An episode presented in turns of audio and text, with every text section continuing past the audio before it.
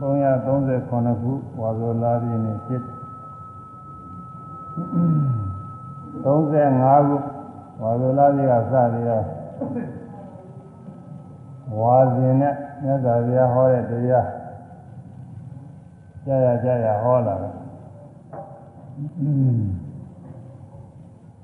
ဘုရားချ30ခွန်ဆိုတော့နှစ်နှစ်တော့ရှိပါပြီပါလေ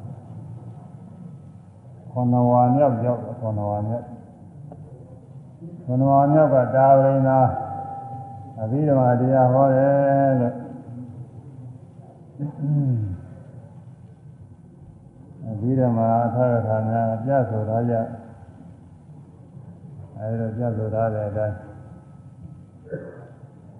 ခွန်နဝါမြောက်မှာကြားရောက်တဲ့တရားဟောလာတာတော်တော်ကြာပါပြီဟောတာတော့ကြာဆိုသားကြီးကနေဟောတာ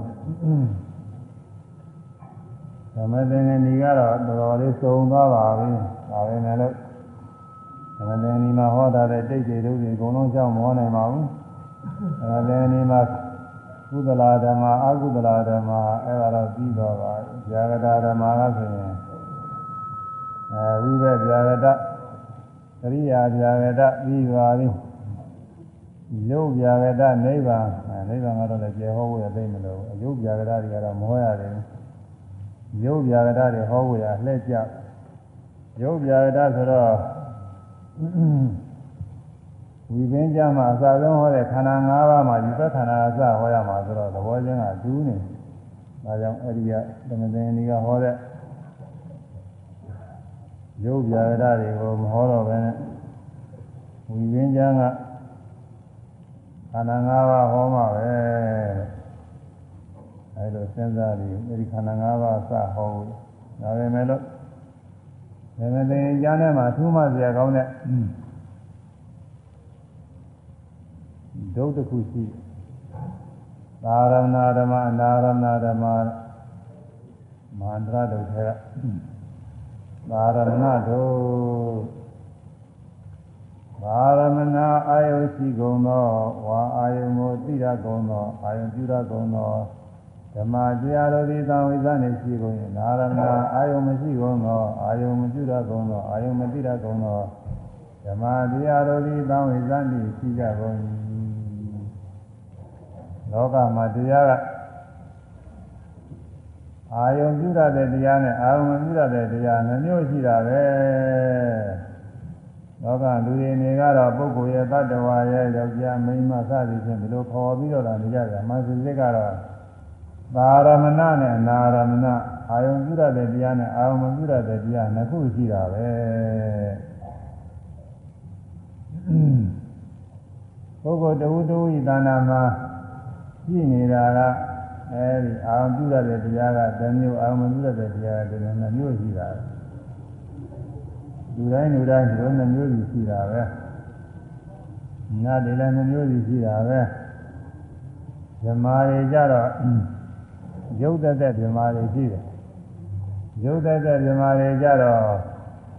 တစ်မျိုးတည်းရှိနာသက်သက်ဇမားတွေကလည်းရှိတယ်အဲသူလည်းပဲတစ်မျိုးတည်းရှိတယ်နာတစ်မျိုးတည်းရှိတယ်ရုပ်သက်သက်ဇမားတွေက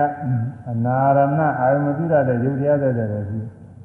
နာသက်သက်ဇမားတွေကတော့ပါရမဏအာယုပြုရတဲ့တရားသက်သက်ပဲရှိတယ်ရုံးမရှိဘူးအခုကာမဘုံကတော့လူတွေနတ်တွေ ဘယ်လေးဘုံကသတ္တဝါတွေယောနာရောဆုံရှိနေတော့ပါရမဏတရားနဲ့အနာရမဏတရားဒီလိုမျိုးရှိတာပဲတရားအားထုတ်တဲ့ပုဂ္ဂိုလ်တွေမှာသမာဓိလေးတော့ကောင်းလာလို့ရှိရင်အဲဒီအာယုံပြုရတဲ့တရားနဲ့အာယုံမပြုရတဲ့တရားဒီနှစ်ခုကစပြီးတော့ကွဲလာပဲနာမရူပပရိစ္ဆေဒညာဆိုဒီလိုပဲနာနဲ့ရုပ်ကွဲ နာဆိုတာအာယုံပြုရတဲ့တရားပဲရုပ်ဆိုတာအာယုံမပြုရတဲ့တရားအတူတူပဲနာဆိုတာနဲ့သာရဏဓမ္မနဲ့အတူတူပဲရုပ်ဆိုတာနဲ့အနာရအနာရဏဓမ္မဆိုတာအတူတူပဲအဲဒီသမတန်နီဒုက္ခမာတိကာကသာရဏဒုံနဲ့ယောဂီပုဂ္ဂိုလ်တွေတွေ့ပုံနဲ့တော့အမှန်တရားရှင်းပါတယ်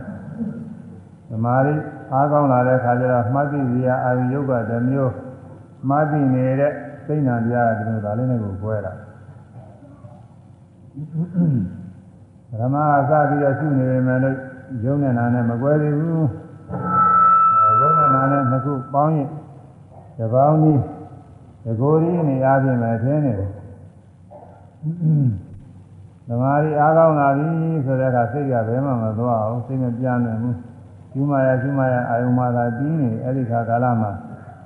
မှတ်တိရယုတ်ကတည်းမျိုးမှတ်တိနေစိတ်နာတရားကတည်းမျိုးဒါလည်းနဲ့ခုရှိတယ်မှတ်တိရယုတ်ကအနာရဏဓမ္မအာယုံမပြုတတ်တဲ့တရားပဲမှတ်တိနေတဲ့စိတ်နာတရားကသာရဏဓမ္မအာယုံပြုတတ်တဲ့တရားပဲအာယုံမသိတတ်တဲ့ယုတ်နဲ့အာယုံကိုသိတတ်တဲ့စိတ်နာတရားဒါနဲ့ခုရှိရဲ့လို့ရှင်ရှင်ပိုင်းခြား ဝဲပြပြီးတော့သိလာတယ်နာမရူပပစ္စည်းဉာဏ်ကဒီလိုဖြစ်တာအဲဒီတော့ကိုယ်ပြမသိခင်ကယုံနေတာနဲ့ရောပြီးတယောက်တည်းတကူတည်းတကောင်နဲ့ဆင်းနေတာအတ္တဆွဲတာဒါမှမဟုတ်ပုဂ္ဂိုလ်တ attva အနေနဲ့ဆွဲလာနေအတ္တကောင်အနေနဲ့ဆွဲလာတာဗေဒီပုဂ္ဂိုလ်တွေတိုင်းဆွဲလာနေတာအသက်ရှင်နေတဲ့အကောင်လို့ဆင်းနေတာသာဝေကျမ်းကဘုရားရှိတဲ့ပုဂ္ဂိုလ်တွေလည်းသာဝေကျမ်းကရတော့ပြောရတယ်ဟောရတယ်ဒါပေမဲ့လို့ကိုယ်တွင်းမှာတော့ ဒီလိုဆွဲရှိနေတာပဲပြောဟောနေတာလည်းပဲငါပဲငါကပြောဟောနေတယ်ဒီလိုပဲဆွဲနေတာပဲကြောက်ဘူးဆိုတာဝိပဿနာရှုတော့သမာဓိအားကောင်းတဲ့အခါမှာယုံနဲ့နာနဲ့ပိုင်းခြားပြီးတော့သိတာနာမယူပါပြိစ္ဆရာညာဖြစ်လာအဲ့ဒီခါကျမှကွဲတာယုတ်ကတရားနာကတရားပဲနှစ်ခုပဲပြောလို့မရဘူးကွဲအာအောင်းနဲ့ပိန်နဲ့မှလို့ရှိရင် ဟောင်းတာနဲ့သိတာပိန်တာနဲ့သိတာတရားပြီပဲကိုယ်ရဆန်းနေဆိုရင်လည်းကိုယ်တာနဲ့သိတာဆန်းတာနဲ့သိတာတရားပြီပဲလမ်းကြောင်းနေတဲ့အခါမှာကြွတယ်လမ်းနေချတယ်ဆိုရင်ကြွတာကတရားပဲသိတာကတရားပဲလမ်းတာကတရားသိတာကတရား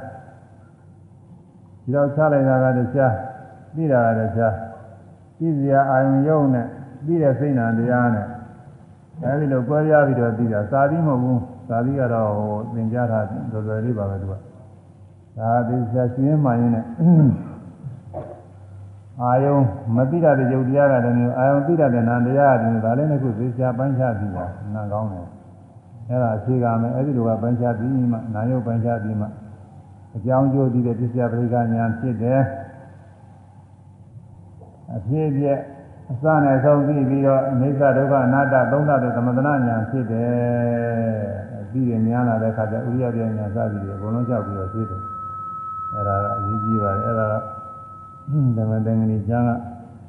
မှတ်သားစရာလေးတစ်ခုသာလေးပြောပြီးဒီနေ့ဝိပင်းကျမ်းတဲ့ဝိပင်းကျမ်းကခန္ဓာ၅ပါးသင်္ဆက်ခန္ဓာရူပခန္ဓာဝရဏခန္ဓာသင်္ညခန္ဓာသင်္ခါရခန္ဓာဝိညာဉ်ခန္ဓာ သစ္စာ၅ပါးကုန်သောခန္ဓာခန္ဓာတို့သည်တဏှိရှိကုန်၏ရူပခန္ဓာရုပ်အဖို့စု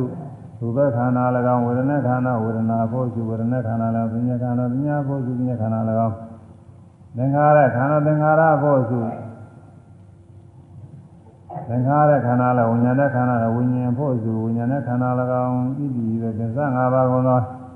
ခန္ဓာဖို့စုတရားတို့သည် သံတိရှိကုန်၏ခန္ဓာ၅ပါးပဲရှိတယ်အဲဒီအပြီးမှမှခန္ဓာ၅ပါးဟောတယ်ဥပါဒနဲ့ခန္ဓာကိုဒီလိုမဟုတ်သုတ်တန်တရားတွေကတော့ဥပါဒနဲ့ခန္ဓာနဲ့ဟောတာသုတ်တန်တရားတွေကဝိပဿနာရှိရမှာတရားထုတ်ဖို့ရတယ်ပြဒါကြောင့်ဥပါဒနဲ့ခန္ဓာတွေနဲ့သစ္စာဥပါဒနဲ့ခန္ဓာဒီလိုလာတယ် သမင်းစဘိခွေဒုက္ခအရိယသစ္စာဘိခွေယံသောဒုက္ခဆင်းရဲဖြစ်သောအရိယသစ္စာအရိယတို့သိရသောမှန်တရားသည်ဒုက္ခအရိယသစ္စာအရိယတို့သိရသောဆင်းရဲဖြစ်မှန်တရားသည်ကတမင်းစဘေဘာနိဒုက္ခသစ္စာဆိုတာဘာလဲမြတ်စွာဘုရားမေးပြီးမစ္စုပါရဏခန္ဓာဒိဋ္ဌဝဇ္ဇနိယံ မင်းစုပါရณခန္ဓာဒီ၅ပါးသောဥပါဒณခန္ဓာတို့ရေဝစိနိယဖြစ်စွာသည်အတ္တရှိတာဤဥပါဒณခန္ဓာ၅ပါးပဲလို့ဆိုရမယ်ဒုက္ခသစ္စာသာဥပါဒณခန္ဓာ၅ပါး ဘာရောဆိုလို့ရှိရင်ရူပပါရဏခန္ဓာဝေဒနုပါရဏခန္ဓာပညုပါရဏခန္ဓာသင်္ခါရုပါရဏခန္ဓာဝိညာဏုပါရဏခန္ဓာ ရူပပါရဏခန္ဓာရုပ်ပါရဏခန္ဓာတစ်ပါးဝေဒနုပါရဏခန္ဓာဝေဒနာဥပါရဏခန္ဓာတစ်ပါးပညုပါရဏခန္ဓာပညာဥပါရဏခန္ဓာတစ်ပါးဝိညာဏသင်္ခါရုပါရဏခန္ဓာသင်္ခါရဥပါရဏခန္ဓာတစ်ပါးဝိညာဉ်ဥပါရဏခန္ဓာဝိညာဉ်ဥပါရဏခန္ဓာတစ်ပါးအဲ့ဒီ၅ပါးပဲအဲသုတ်တန်တရားမှာဝိပဿနာရှိရမယ်တရားတွေဥပါဒာနဲ့ခန္ဓာတဲ့ဥပါဒာအာဟုတဲ့ခန္ဓာတဲ့ဝိပဿနာမှပြီးပြရတယ်။အပြီးတော့မှအဲ့ဒီလိုမှပြရဘူးခန္ဓာ၅ပါးဆိုပြီးအကုန်လုံးပြတယ်။ ဝိပဿနာရှိရတာလည်းပါတယ်မရှိရတာလည်းပါတယ်လို့သုဒ္ဓမှာတော့ဝိပဿနာရှိရမှာလေရည်ရွယ်ပြီးတော့ဒုက္ခသစ္စာဆိုတော့ဥပါဒာနဲ့ခန္ဓာပဲဥပါဒာအာရုံဖြစ်တဲ့ခန္ဓာတွေဥပါဒာအာရုံမဟုတ်တဲ့ခန္ဓာတာမြင်ရတွေကဒုက္ခသစ္စာလည်းမပါဘူးဥပါဒာအာယုံမဟုတ်တဲ့ခန္ဓာတာမြင်ရတွေကဘာလို့လဲလောကုတ္တရာခန္ဓာတွေမက်စိတ်စေတသိက်ကိုယ်စိတ်စေတသိက်တွေအဲ့ဒါတွေက လောကုတ္တရာတရားဥပါဒာအာယုံမဟုတ်ဥပါဒာအာယုံမဟုတ်ဒုက္ခသစ္စာလည်းမဝင်ဘူးတို့ကဒုက္ခတော့မဆိုးရဘူးမက်စိတ်စေတသိက်ကိုယ်စိတ်စေတသိက်တွေဆင်းရဲတရားတော့မဆိုးရဘူးအဲလောကီယုံနာနေတော့ဆင်းရဲလို့ခေါ်ရတယ်လောကီယုံနာနေဆိုလဲတဝူးထဲမှာလောကီနာတရားတွေအပြည့်စုံတော့မရှိပါဘူးရုပ်တော်မှာလည်းတဝူးထဲမှာ ရုပ်တွေအစုံမရှိပါဘူးအဲအဖိုးအမဖြစ်ကြောင်းဖြစ်တဲ့ဘာဝရုပ်ဆိုတာရှိတယ်အဲ့ဒါကအဖိုးဖြစ်တဲ့ပုဂ္ဂိုလ်တွေမှာပုံဘာဝရုပ်ဆိုတာရှိတယ်ဣတိဘာဝယုံခြင်းအမှားကြီးတဲ့ပုဂ္ဂိုလ်တွေမှာဣတိဘာဝယုံဆိုတာရှိတယ်ဘုံဘာဝယုံမရှိဘူးကရုပ်တော်မှာတယောက်တည်းမှာရုပ်တွေအစုံရှိတာမဟုတ်ဘူးအဲစိတ်စိတ်သိနာတရားတွေကတော့ ဇာမရတဲ့ပုဂ္ဂိုလ်တွေမှာကာမစိတ်စိတ်သိလောက်ပဲရှိတာပဲအဲမဲကိုစိတ်စိတ်သိတွေမရှိဘူးဇာစိတ်စိတ်သိတွေမရှိဘူးအဲဒီတော့ဒုက္ခသစ္စာဆိုတာမိမိတို့တဏ္ဍာရှိတဲ့တရားတွေပဲပြင်းအနေနဲ့ရှုပြီးတော့သိရတာပဲကာမစိတ်စေတသိက်တွေပဲဒါတွေပဲရှုရတာပါပဲအဲဒီဥပါဒณะခန္ဓာ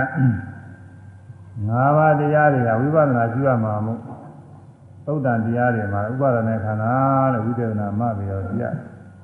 အဘိဓမ္မာမှာဒီမှာဝိပဿနာရှုရပြတာမဟုတ်ဘူးပြုခွဲတာမဟုတ်ခန္ဓာဝိဒမြတွေအကုန်လုံးသင်္ဆက်ခန္ဓာခန္ဓာ၅ပါးဆိုပြီးတော့အဲဒီလို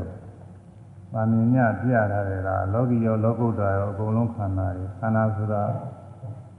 အဖို့အစုအဖို့အစုဆိုတာတစ်မျိုးတစ်မျိုးပေါ်တယ်တစ်မျိုးနဲ့တစ်မျိုးနဲ့မတူတာတစ်ပုံစီတစ်ပုံစီဒီလိုခွဲပြီးတော့အဖို့အစုလို့ခေါ်ပါတယ် ရူပခန္ဓာဆိုတာဘာတော့ဆိုလို့ရှိရင်ရူပခန္ဓာကိုဝေဘာပြထားတယ်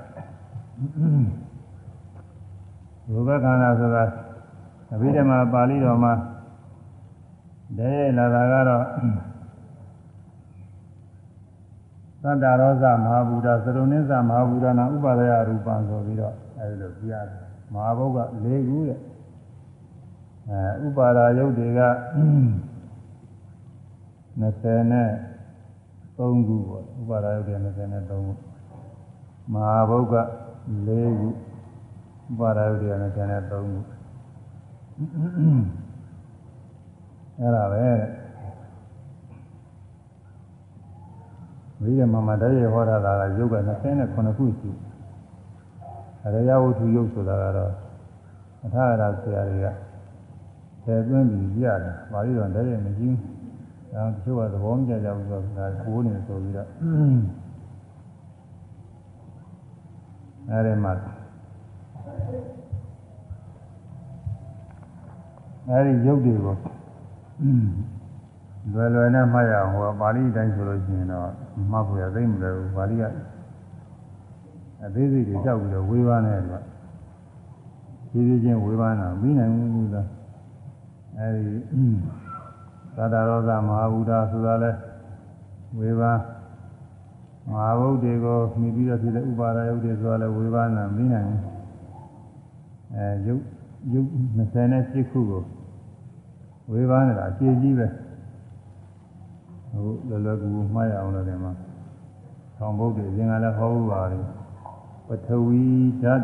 ဓာတ်ကြီး၄ပါးကိုအာဝေါဓာတ်ေဇောဓာတ်ဝါယောဓာတ် မဟာဘုဒ္ဓသတ္တရောဂမဟာဗုဒ္ဓယမဟာဘု၄ပါးဆိုတာဒါတွေလေပထဝီအာဝေါတေဇောဝါယောဒီနာမည်တွေကတော့သိနေမှာပါပဲတူတူပဲပရဲ့အာရဲ့ဒီရဲ့ဝါရဲ့အစာလုံးလေးပါကပထဝီအာကအာဝေါဒီကတေဇောဝါကဝါယောအဲဒီလိုလေးပါမဟာဘုယုတ်ကြီးလေးပါပဲပ အာတိဝါရုပ်လေးရာမှတ်ပါမဟာဘုဒ္ဓတိုင်သာဆိုရမယ်ပအာတိဝါပအာတိဝါရုပ်လေးရာရုပ်လေးရာမှတ်ပါမဟာဘုမှတ်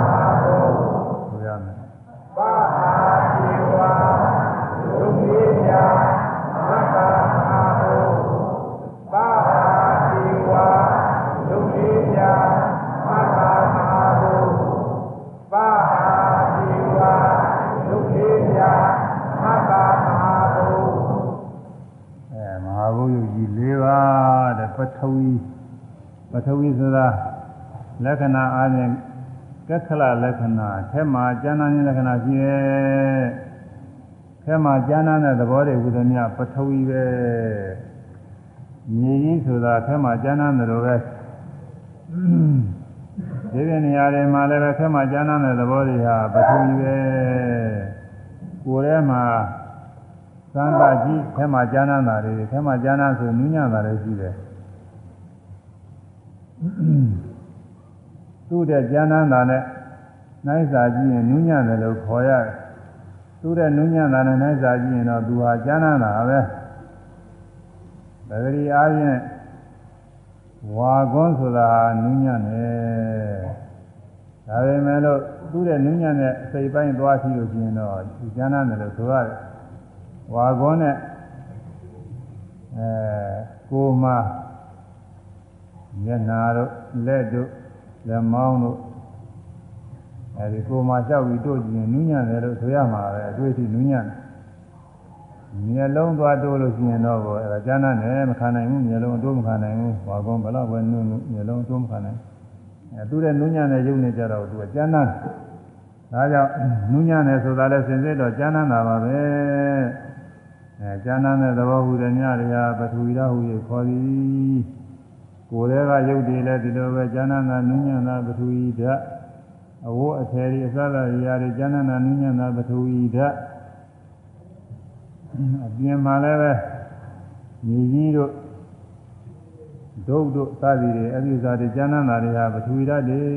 တို့မှလည်းအဲ့ဒါပထဝီဓာတ်ကြီးတဲ့တော့မဟုတ်ဘူးသိချင်းဓာတ်တွေလည်းပါဝင်နေတယ်ပထဝီဓာတ်လွန်ကဲနေဒါကြောင့်ပထဝီဓာတ်အာဘောဓဆိုတာကတော့ ယူစည်းဖွဲ့စည်းတဲ့သဘောအရေးသဘောအဆူသဘောပဲအဲအရေးသဘောဆိုသဘောကအာဘောဓ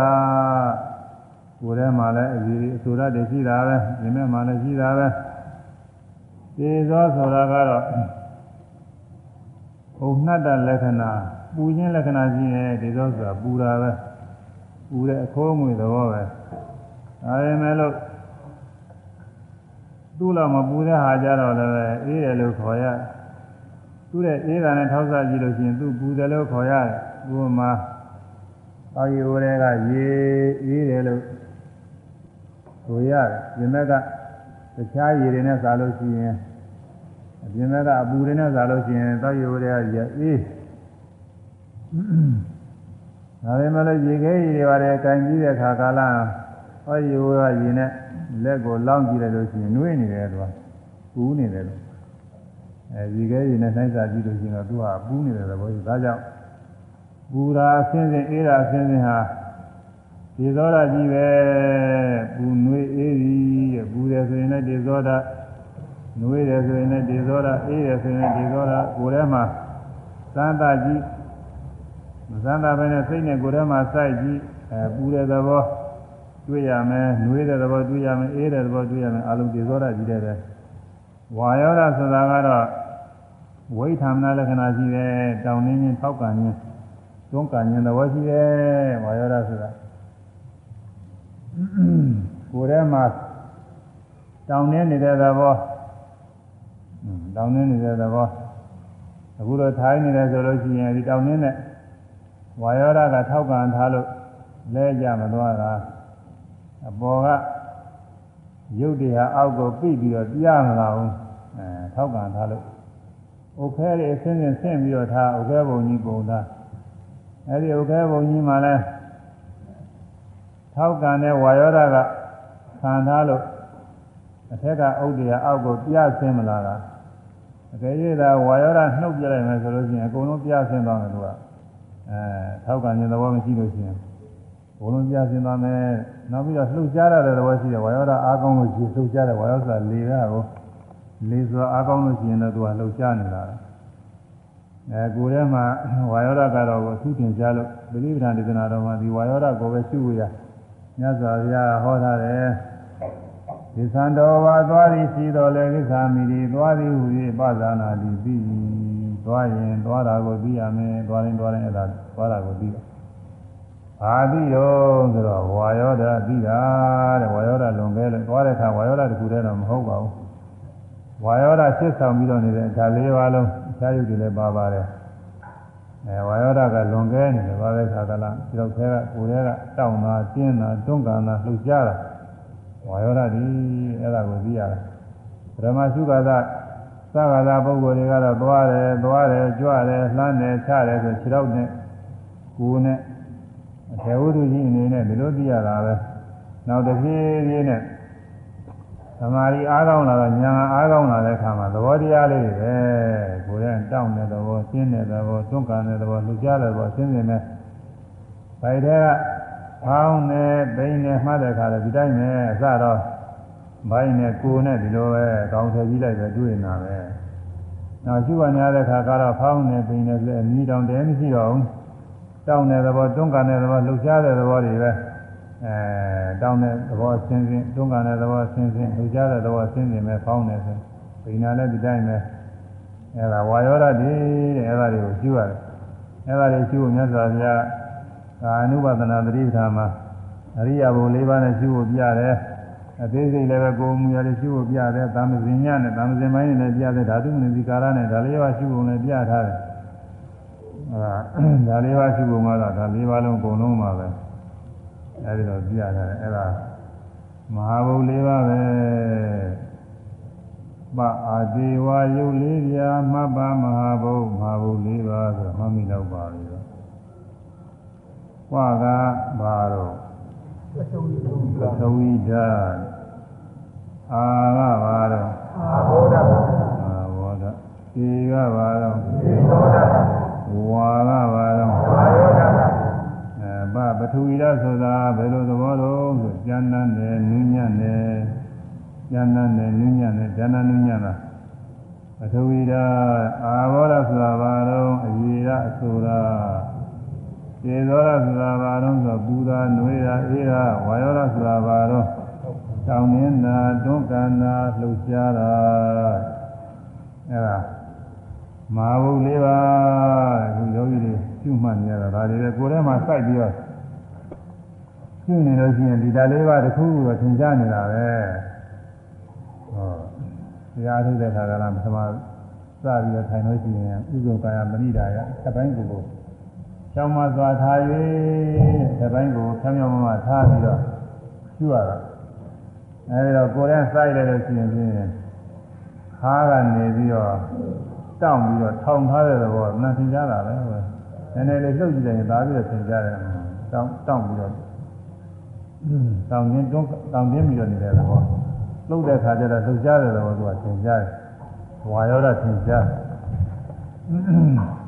ဒီချို့စိတ်ပိုင်းတွေကြတော့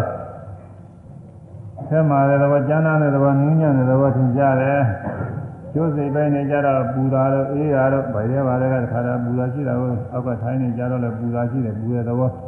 နွေးတဲ့သဘောဒါတခါကျတော့အေးတဲ့စိတ်ပိုင်းကလည်းရေးတာဆိုခြေပြားတွေအေးပါလေအေးနဲ့ အေးတဲ့သဘောလေးသင်ကြားတာပဲအဲအာဘောဓကလည်းပဲအစိုးအရေးအနေအားဖြင့်သူကလည်းသင်ကြားတွေ့ရတာပဲအဲဒါမဟာဘုလေးပါတဲ့ဝိပဿနာတရားတွေရုပ်ပါဒနဲ့ခန္ဓာတရားတွေနဲ့ကျူးလို့ရှိရင်အဲဒီဒါလေးပါးကိုပဲသတဏှာနဲ့ပါရပြီးတော့လည်းဆွဲလန်းနိုင်တယ်ဒိဋ္ဌိနဲ့ပုဂ္ဂိုလ်သတ္တဝါနေရာချင်းနဲ့ဆွဲလန်းနိုင်တယ်ဒါကြောင့် ဥပါဒာယအာယုဖြစ်တဲ့ဥပါဒာနဲ့ခန္ဓာတရားပဲရုပ်မှာတော့ဥပါဒာယအာယုမဟုတ်တဲ့တရားရတော့မရှိပါဘူးနာတရားတွေကြားတော့မှဥပါဒာယအာယုဖြစ်ဟုတ်တဲ့မဲ့ဖို့ပြန်ပါဝင်တဲ့နာတရားတွေအဲ့ဒါဥပါဒာယအာယုမဟုတ်ဘူးယုတ်တရားကတော့ဖြင့်ဥပါဒာနဲ့ခန္ဓာမှာလွတ်ထားရတော့မရှိပါဘူးခန္ဓာနဲ့ဥပါဒာနဲ့ခန္ဓာအတူတူပဲခန္ဓာလည်းဒီတရားဥပါဒာနဲ့ခန္ဓာဒီတရားပဲနန္တရားကြတော့ ဥပါဒာနဲ့ခန္ဓာဆိုရင်လောကီတရားပဲခန္ဓာဆိုရင်တော့အဲလောကုတ္တရာတက်တက်လည်းကောင်းနိုင်တယ်လောကုတ္တရာမဟုတ်လို့လောကီရရောပြီးတော့လည်းကောင်းနိုင်တယ်ဆိုအဲဒုတိယပုံသွားရမယ်ဒါကြီးလေးပါးကပြီးတော့အခြေခံလေးပါးသရုဏမဟာဝုဒနာဥပါဒာယူပံဒါလေးပါးနဲ့နှီးပြီးတော့ဖြစ်တဲ့ယုတ်ဥပါဒာယုတ်ဥပါဒာယုတ်က29ပါးအဲ29ပါးအဲ20 27ပါးထဲမှာ လေးခုတော့24ပါးပေါ့ဥပါဒာ24ပါးရှိပါဠိလိုကတော့သက္ခုပတာရဩဒါပတာရဂာနာပတာရဇေဝပတာရကာယပတာရလို့ပတာရ၅ခုရှိတယ်အကြီးရ၅ပါးအကြီးရော၅ပါးအဲဒါဗမာလိုကတော့မျက်စိနားနှာကိုယ်လျှာလျှာကိုယ်အစဉ်တိုင်းတိုင်းရင်ကာယံမရတော့ကိုယ်ဝစီအခါ မျက်စိနားနာကိုယ်လျှာ၅ရာကြည်ယုလို့ဆိုရမယ်မျက်စိနားနာမျက်စိနားနာကိုယ်လျှာကိုယ်လျှာ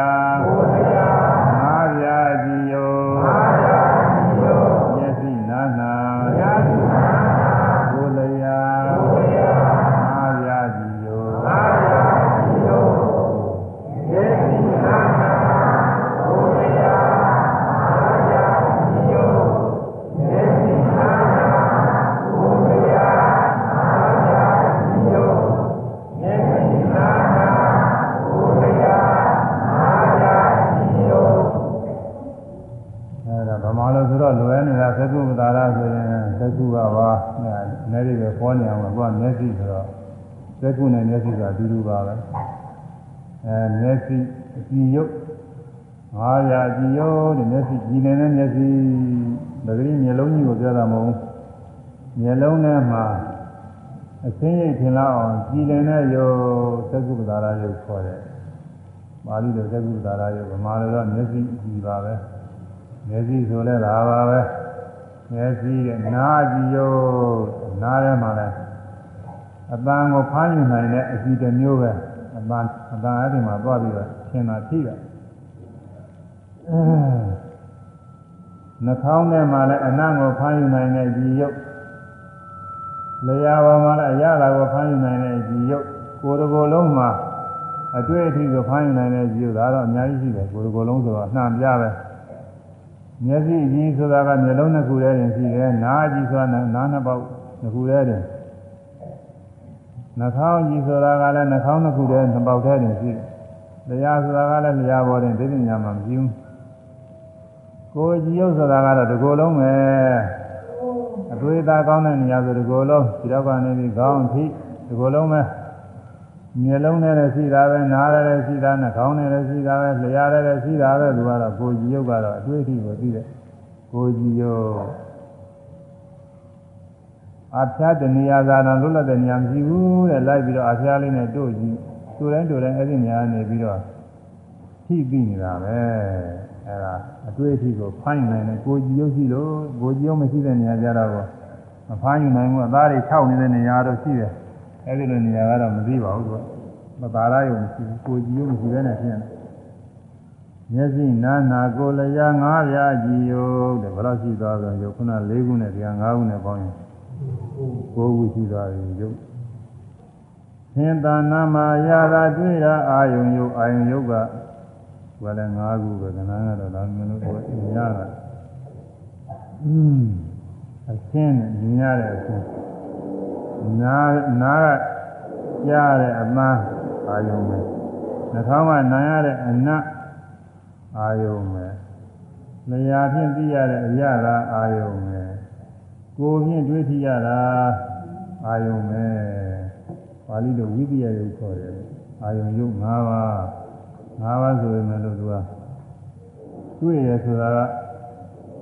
သုံးခုဆိုတော့ခုနှစ်ခုရှိတယ်ကောနော်ခုနှစ်ခုကငါးခုဆိုတော့ခုနှစ်ခုရှိတယ်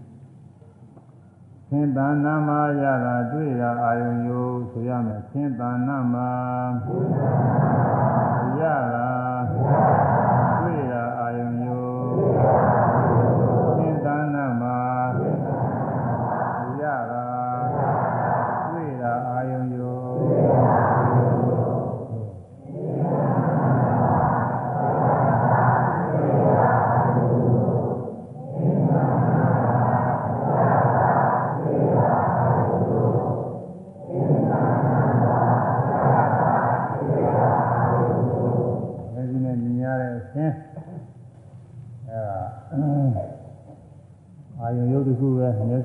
မြင်နိုင်တဲ့အာယုံယုတ်မျက်စိနဲ့မြင်ရတဲ့အချင်းဆိုတာမြင်ကောင်းတဲ့သဘောလေးဒီပုဂ္ဂိုလ်တွေနေရာချင်းတော့အကောင်ဖယ်ကြည့်လိုက်မြင်ရကြအောင်အကောင်ဖယ်ကြည့်မဟုတ်ဘူးသူကအပေါ်ရန်လေးတွေနဲ့ကိုယ်တကူလုံးမှာရှိတဲ့ရုပ်တွေထဲမှာပေါ်ရန်လေးတွေပေါ်ရန်တော့ဟိုဘက်ကမပါဘူးဒီဘက်ကတည်းကကိုယ်နဲ့တဲတဲ့ဘက်ကတည်းပေါ်ရန်လေးအဲဒါလေးမြင်ပြီးတော့ ယောက်ျားပဲမိန်းမပဲစားကြည့်ချင်းဒီလိုဆွဲလာနေကြတာမြင်ရတာလေးကပေါ်ရန်ကရုပ်ကလေးဆင်းလေးတွေပေါ်ရန်ကစီပြီးတော့ရှိနေတဲ့ဆင်းရုပ်ကလေးတွေမြင်ရအတန်ရုပ်ကနားထဲမှာကြားရတာလို့ထင်ကြတယ်တန်ကတော့ဒါပေမဲ့လည်းအဲ့ဒီအတန်ပြောဆိုတဲ့ပုဂ္ဂိုလ်ကစိတ်ထဲကရောက်သွားအနံ့ကလည်းနှာခေါင်းထဲမှာနားလာတဲ့အနံ့ရတာကတော့စားတဲ့ခါကလည်းပေါ်လာတဲ့ရတာတော့ရလာတယ်တွေ့တာတဲ့ တွေ့တာဖုထဘာယုတ်လို့ပါဠိလိုခေါ်တယ်တွေ့တွေ့ထိစီရာယုတ်အဲ့ဒါကအစိတ်စိတ်ခွဲလို့ရှိရင်တွေ့တာကတစ်မျိုးတည်းမဟုတ်ဘူးအဲမှာဉာဏ်မီတွေ့တာကတစ်မျိုးပထဝီဓာတ်ကိုယ်နွေးအေးပြီးတွေ့တာကတစ်မျိုးဒေဇောဓာတ်တောင်းင်းတွန်းကန်လှုပ်ရှားပြီးတွေ့တာတစ်မျိုးဝါယောဓာလို့ဒါသုံးပါပဲပထဝီဓာတ်ဒေဇောဓာတ်ဝါယောဓာတ်ဒီသုံးပါတွေ့တာတွေ့တယ်ဆိုရင်တွေ့ထိတယ်ဆိုရင်ဒါပဲ ဒါကြောင့်အောက်ကအတွေ့ရုပ်ဟာတစ်မျိုးတည်းမဟုတ်ဘူးသုံးမျိုးဖြစ်တယ်မဟာဘုယုတ်တွေပဲပြီးတော့အသစ်မဟုတ်ဘူးသူကရှင်နာကပြောခဲ့တဲ့ပါအာဒေဝါဆိုတဲ့ဓာကြီးလေးပါးကပါပြီးသားဖြစ်တဲ့ရုပ်ပဲအဲ့ဒါကိုကြည့်အောင်လို့သူ့ကိုလည်းတဲကွင်းနဲ့ဆောင်းမလေးတစ်ခုလုပ်ထားတယ် အတွေ့ဆိုတာပတိဝါသုံးညမှာဘုလို့ဆိုရမယ်အတွေ့ဆိုတာအတွေ့ဆိုတာပတိဝါ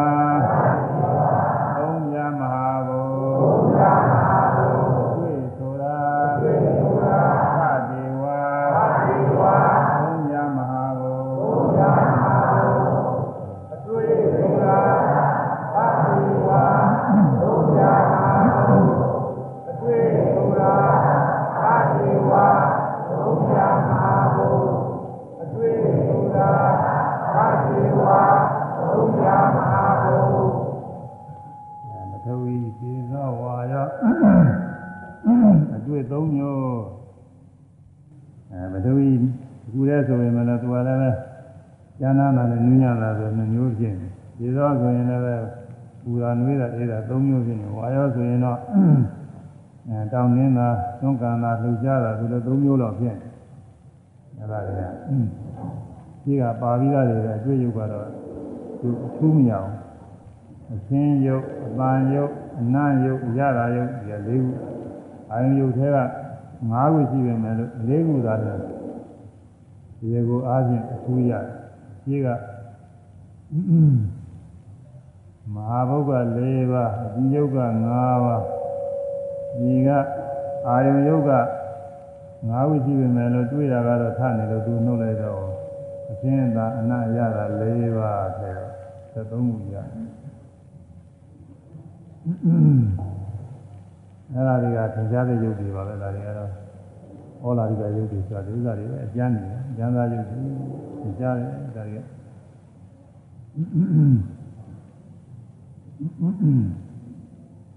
မျက်စိဆိုရင်လည်းပဲမြင်တိုင်းမြင်တိုင်းမျက်စိကြည့်နေပြီးတော့မြင်ရတာဖြစ်တဲ့အတွက်မြင်လိုက်ဆိုမျက်စိရောသင်ကြားနေတာကြားတယ်ဆိုနားယုတ်သင်ကြားတာပဲအဲနားနဲ့ဆိုတဲ့အခါနှာခေါင်းသင်ကြားတယ် စားတဲ့ခါကလားတရားရတာပြီးတဲ့အခါလျှာယုတ်သင်ကြားတယ်တွေးကြည့်တဲ့အခါကိုယ်ယုတ်ကသင်ကြားဒီကမြင်ရင်အချင်းကြားရင်အသားနာတဲ့ခါကလာအနံ့ယုတ်စားတဲ့ခါကလာရတာယုတ်သင်ကြားနေတွေ့ထိတဲ့ခါကလာအတွေ့အထိသုံးပါးတယ်ပထဝီတွေ့ထိဒုက္ခဝါယတွေ့ထိအလုံးဒီလို12ပါးရှိတယ်အောလိုက်ကယုတ်12ပါးလို့ခေါ်တယ်ကျမ်းမ်းတယ်သင်ကြားတယ်ဒါကတော့ပြီးတယ်ရုပ်တည်ပဲမခေရင်ဘူးဒါ ဟုတ်ပါတယ်လွယ်ပါတယ်ဒီကယောဂီပုဂ္ဂိုလ်တွေအများကြီးရှုနေရတာလဲရုပ်ဆိုရင်အဲ့ဒီရုပ်တွေရှုနေရတာပဲအဲဒီယုတ်လေးရှိရတာပဲများဒုက္ခကနေရပါလေဒုက္ခမယုတ်ရှိရတာကလည်းဩလာတကယုတ်တွေရှိနေရတာအဲဒုက္ခမယုတ်လိမ်မွေးတဲ့ယုတ်တွေလားဟိုမှဖြစ်စေယုံနဲ့တွေမှတ်လေဘာဝယုတ်ဘာဝဆိုဖြစ်ကြောင်းယုတ်ဘာဖြစ်ကြောင်းလို့ဆိုအဖို့ဖြစ်ကြောင်းအမဖြစ်ကြောင်းယုတ် မရိတ္တရေကဒီယုတ်ကပါလားအဲကိုဖြစ်မဲ့ပုဂ္ဂိုလ်တွေမှာပုံပါဝါရုပ်တယ်ပါဠိတော်ကပုံပါဝါရုပ်ကိုဖြစ်ကြောင်းရုပ်အမှားဖြစ်မဲ့ပုဂ္ဂိုလ်တွေမှာဣတိဘာဝရုပ်ရိရေရပါလာသူပါလာတော့သူ့မိပြုပြီးတော့ရုပ်ကတပြေးပြေးပုံတန်တန်ရောပါရောသူကအဖိုးအနေဖြစ်လာတယ် ဣတိဘာဝဆိုလို့ရှိရင်လည်းအမအနေနဲ့ဖြစ်လာတယ်အဲဒါအဖို့ဖြစ်စီရအမဖြစ်စီရယုံနှစ်ခုရှိတယ်တဲ့ဘာဝယုံနှစ်ခုဆိုရမယ်ပုံမဖြစ်စီပုံမဖြစ်စီယုံနှစ်စေယုံနှစ်စေမလေးဘာဝယုံမလေးဘာဝ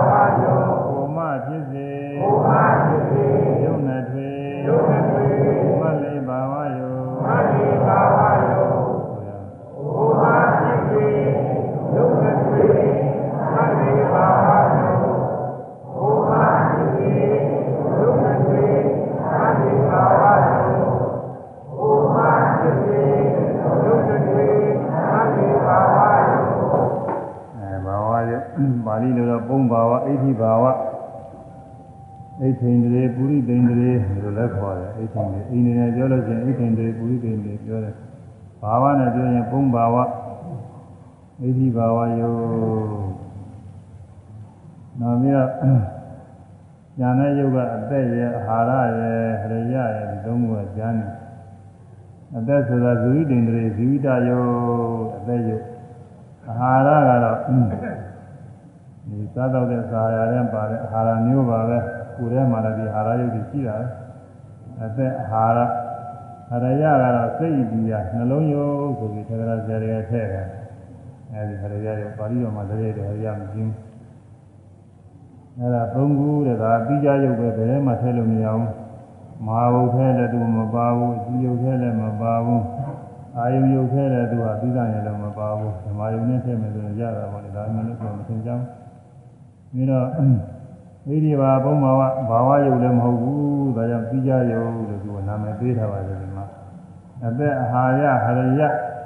အသက်အာဟာရဟရယသုံးဝပြီးကြယုတ်ဆိုရမယ်အသက်အာဟာရ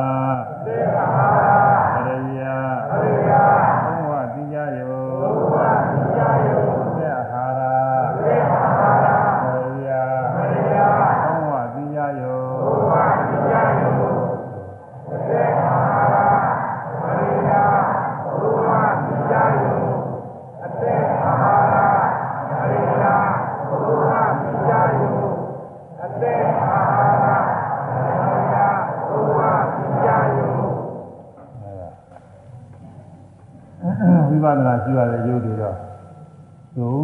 17ခုရှိတယ်ပါအာဒေဝယုလေးပြာမဘာမဟာဘုရေမျက်စိနာနာကိုလျာငါးရာကြီးယောငါးခုဘုရားရှိပါတယ်အသင်္သာအသင်အသင်္သာနဘာအရသာတွေ့ရအာယုံယောအဲ့ဒီကအသင်္သာအနအရသာ၄ခုဆက်သတ်တော့ဟောမဖြစ်စေယုံနဲ့တွေ့မှလေးဘာဝယုတ်ဆံနာ ဒီကအသက်ဇီဝိတာယုတ်အာရယုတ်အရယစိတ်ဒီယာဖြစ်တဲ့ယုတ်ဒီသုံးခုထဲကဆက်စစ်ခုရှိပါတယ်ဒါကသဘာဝယုတ်ခေါ်တယ်နိဗ္ဗာန်ယုတ်လည်းခေါ်တယ်သဘာဝယုတ်လည်းခေါ်တယ်သူပင်ကိုရင်းအားဖြင့်သဘောလက္ခဏာရှိတဲ့ယုတ်ပဲတဲ့ဒါတွေကပရမတ္ထာသင်ကြားကြည့်တဲ့ယုတ်တွေဝိပဿနာရှိကောင်းတဲ့ယုတ်တွေအဲ့ဒါတွေဒီကပေါင်းပြီးတော့ကြည့်ရတယ် ဟုတ်လေးကြည်ငါအာယုံငါနှစ်ပါးပါဝမိဒီရသုံးပါးဆက်ရှိပြသဘာဝယုံမိသဘာဝယုံနိဗ္ဗာန်ယုံလည်းဆိုပါတယ်သဘာဝယုတ်တာပရမဝိပဿနာရသည်ဒီဝိပဿနာရှိကောင်းတဲ့ယုတ်တရားဒီဆက်ရှိခုပဲအဲဒါလေးကတော့အပေါင်းနေတယ်ဒီကဘုံလေးဘုံလေးဒီငါအာယုံငါအာယုံငါ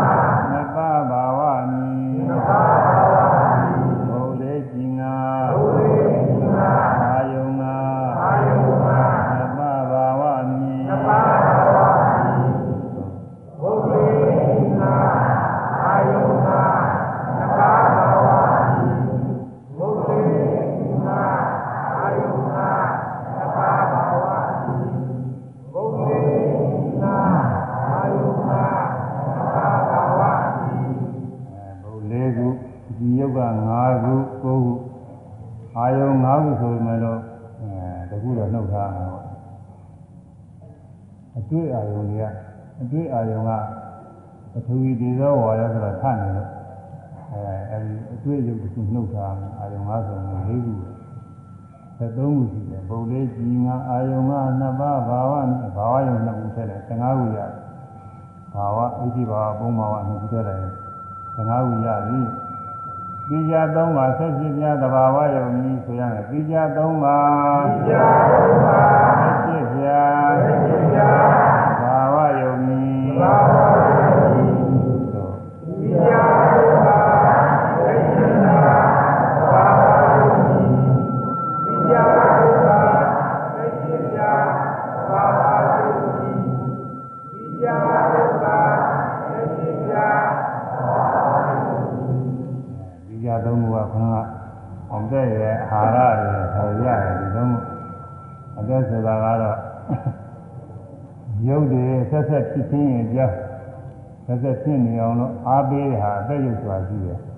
ဖြစ်ပြနေတာပါပဲအငဲဒီမှာတော့မဟုတ်ဒါမဲ့သူစီတော့သူကအားပေးနေတော့ရုပ်တွေဆက်ကဆက်ကဖြစ်နေရေကနေပြီးကြာများအားပေးတယ်လို့ပဲရေကရေစီတော့ပဲအားပေးနိုင်တာပဲဒီကအမြဲတည်နေတာတော့မဟုတ်ဘူးဒါနဲ့စီလုံးအားပြီးတော့ရေကုန်ပြီးတော့ကြာတော့မော်ပင်တော့ဘာတော့ဘုံလုံးပေါ်လေးရေမြင့်ဖြစ်တဲ့ပင်ရှင်းတယ်အဲဒီလိုပဲဒီအသက်ရုပ်ကလည်းသူရှိတဲ့ထိုက်တာမှာကျေးဇူးပြုလို့ရုပ်တွေဆက်ကဆက်ကရှင်းတယ်သက်ရှင်သတ္တဝါ ဟာရကတော့သုံးဆောင်တဲ့ဇာရရန်ပါတဲ့ဩဇာယုတ်အရရကတော့စိတ်အမြာဖြစ်တဲ့နှလုံးယုတ်အလုံးပြကြသုံးပြကြယုတ်က၃ခုဆက်လိုက်ဆက်ရှိခုရှင်းဒီကြသုံးပါဆက်ပြပြသဘာဝယုံနဲ့သဘာဝယုတ်ဆယ်နဲ့ဖြစ်ဖြစ်ရှိတယ်သဘာဝယုတ်တာပရမဝိပဿနာပြီးသဘာဝယုတ် 37ပါးဝိပဿနာရှိရတယ်တဲ့ဆိုရမယ်သဘာဝယုတ်တာသဘာဝယုတ်တာပရမဝိပဿရှိရသည်ဝိပဿရှိရသည်သဘာဝယုတ်တာသဘာဝယုတ်တာပရမပရမဝိပဿရှိရသည်ဝိပ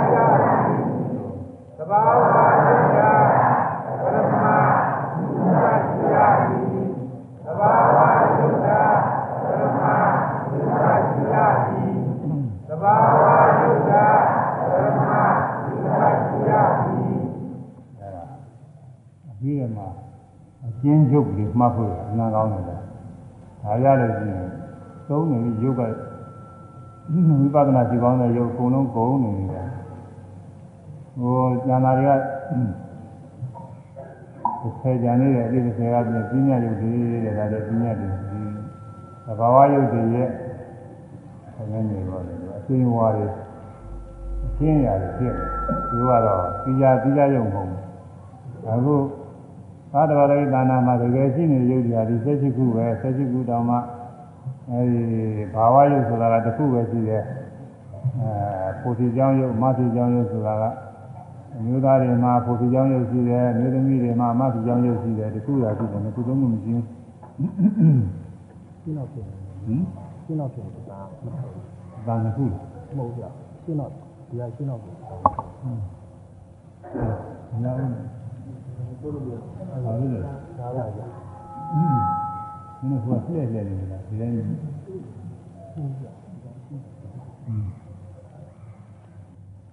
အဲတဘာဝယုတ်တဘာဝယုတ်ဟာပရမတ်ပဲတဲ့တဘာဝယုတ်ဒီနဲ့7ပါးဟာပရမယုတ်ဒီပရမအစစ်တွေပဲတကယ်ရှိတဲ့ယုတ်တွေပဲဒါဝိပဿနာပြုရတယ်။ဒါလည်းဝိပဿနာပြုနေတာမြင်တဲ့အခါကလာမြင်နေသူရင်မျက်စိနဲ့အရှင်းကို တွေ့ရတာကိုမျက်စိနဲ့အရှင်းရုပ်တွေ့ရတယ်။ရတဲ့အခါကလည်းမှနားနဲ့အသံလေးကိုတွေ့ရတယ်။နားနဲ့အခါကလည်းမှနှာခေါင်းနဲ့အနံ့ရုပ်ကိုတွေ့ရတယ်။အရသာစားတဲ့ခါကလာမှာဆိုတဲ့ရှင်နေစားပြီးရတာပြီးတာမှရင်လျာနဲ့ရတာယုတ်ပြီးရတယ်။ကိုကအတွေ့အထိတဲ့ခါကလာကြတော့အဲဒါတော့အများကြီးပဲတွေ့ထိတာတွေကတော့ဖြည့်တယ်။တွေ့တယ်ဖြည့်တယ်ကိုယ်တယ်စတယ်ဖောင်းတယ်ပင်နေစားပြီးအများကြီးပဲ ကိုမူရတယ်ကြည့်တဲ့ကြည့်ရမှာအဲတွေ့ထိတွေပဲ။အဲဒီမှာတွေ့ထိရဌာနကိုကြည်ယုံနဲ့တွေ့ထိရတဲ့အတွေ့ယုတ်သုံးခုပေါ်တယ်ပထဝီဓမ္မကျမ်းနာနဲ့အတွေ့အထိနည်းနဲ့အတွေ့အထိခြေသောပူနွေးအေးတဲ့အတွေ့အထိဝါရောတောင်းတင်းတွန်းကန်လှုပ်ရှားတဲ့အတွေ့အထိအဲဒါတွေကိုသိရတယ်အဲဒီတော့ဘာတွေကျမ်းနေတော့ဆိုတော့ အာဘောဓကျမ်းနေအာဘောဓကျမ်းမှာပါလေးပဲမြင်တာလည်းမပါဘူးကြားတာနာနာစားပြီးတာတွေ့ထိတာလည်းအာဘောဓမပါဘူးဆိုတာကကျမ်းနေတယ်ဒီတော့အဖို့မဖြစ်စေတဲ့ဘာဝယုတ်ကလည်းမပါဘူးဉာဏ်နဲ့အသက်ယုတ်အာဟာရယုတ်ခရယယုတ်ဒါလည်းဉာဏ်နဲ့လေဘယ်လိုလုပ်သိရတယ်လဲဒါလည်းစဉ်းစားကြည့်ပြီးတယ်အာဘောဓကတော့အတွေ့အထိကပဲနေပြီးပါပဲ သူမရှိမတွေ့ကောင်းမရှိကောင်းဆိုပေမဲ့တော့အာဘောဓအာဘောဓနဲ့ပူးပေါင်းပြီးတော့နေတဲ့ပထဝီတို့ဒေဇောတို့ဝါရောတို့ကိုတွေ့ရှိတာနဲ့လည်းပြီးတယ်အဲဒါအဆူတာပဲဆိုသိရတယ်ဟုတ်လားထေရညာနဲ့ဝိဓမရသင်္ခါကြားများမှာလက္ခဏာရောဂပစ္စုပ္ပန္နဗရဌာနဝေဒေနနာမရူပဘေခောဒိဋ္ဌိဝိသုဒ္ဓိနာမလက္ခဏာအလိုအားဖြင့်လဲ နာယုတ်တွေရှိရတယ်ရာဂနဲ့သူကိစ္စနဲ့လည်းရှိရတယ်အဲပစ္စုပ္ပန္နသူသင်္မောချင်းရနဲ့လည်းရှိရတယ်ပြုပြီးတော့ဒီယုံနာနဲ့ပြီးရတယ်ဒါလည်းတော့ဗရဌာနမိရောအကြောင်းဖြင့်လည်းပြုရတယ်မိရောအကြောင်းဖြင့်ရှိရတယ်ဆိုတော့တိပညာတွေကသိမသိကြအာဘောဓမှာသင်ကြားတယ်အာဘောဓဤမိရောအကြောင်းကပြန်တဲ့ပထဝီဒေဇောဝါရောသူနဲ့တွဲဖြစ်တဲ့ဓာတ်သုံးပါးပဲအဲဒီဓာတ်သုံးပါး မှီပြီးတော့အာဘောဓကဖြစ်ရတယ်အာဘောဓဆိုရတဲ့မိရောအကြောင်းကပထဝီဒေဇောဝါရောဘုရားဒုတိယမှတဲ့ခါကလာအာဘောဆိုတဲ့အဆိုရအရေရတော့မတွေ့ထီကောင်းဘူးတဲ့သူ့ကိုမသိပြနိုင်ဘူး။သို့တော်လည်းသူနဲ့တွဲပြီးတော့နေတဲ့ပထဝီဆက်မှကျမ်းလာတဲ့တော်နည်းနဲ့တော့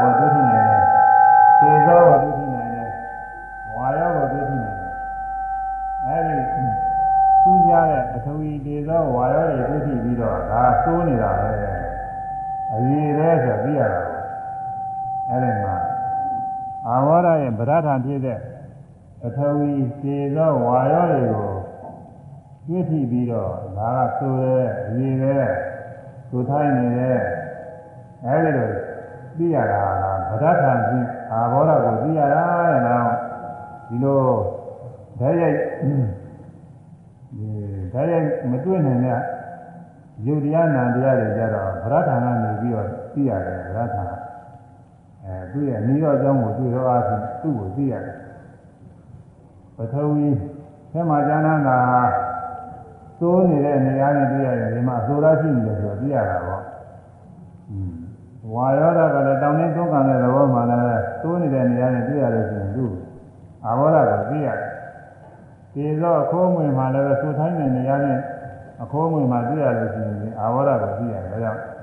ဗရထာမြင်လို့ရှိရတယ်လို့ထာဂရဆရာတွေကဆိုထားတယ်အဲဒီလိုသိရပါပဲနောက်ပြီးတော့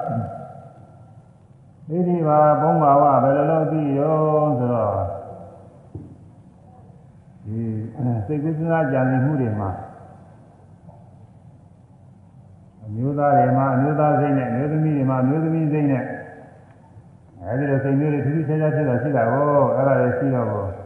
သူ့ရဲ့နှီးရတရားဖြစ်တဲ့ဘာဝယုတ်ဆိုတာကိုလည်းသိရတယ်ဘာဝယုတ်ကိုအဲ့ဒီကနေပြီးတော့သိရတယ်ပြီးတော့အရယရုပ်ဆိုတာကတော့ဟို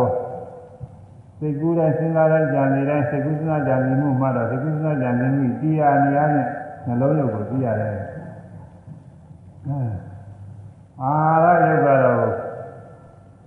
အစာရစားတော့တဲ့ခါကာလအစာရအကြောင်းပြုပြီးတော့ကိုယ်ထဲမှာခါလောင်ရင်းကျင်းချင်းပြီးတော့သွားတယ်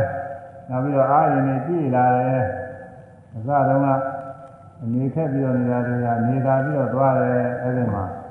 အာဟာရယုတ်ကိုအရိခါကာလသင်ကြားတွေ့ရတယ်အသက်ယုတ်ဆိုတာကတော့မျက်စိ နာအစရှိသောရုပ်တွေသံသယုတ်တွေဆက်ကဆက်ကဖြစ်နေတာကိုတွေ့တော့အချင်းအသက်ရှင်စေရတဲ့ရုပ်ဟာလည်းရှိတယ်ဆိုတာဒီလိုသိရနာသိမှုပါကအမနာဘုဒ္ဓရာရှိတဲ့ပုဂ္ဂိုလ်တွေပညာရှိတွေမှသိနေမှာပါတာမန်ပုဂ္ဂိုလ်တွေလည်းသိလို့မလို့အဲဒီရုပ်တွေကဒါက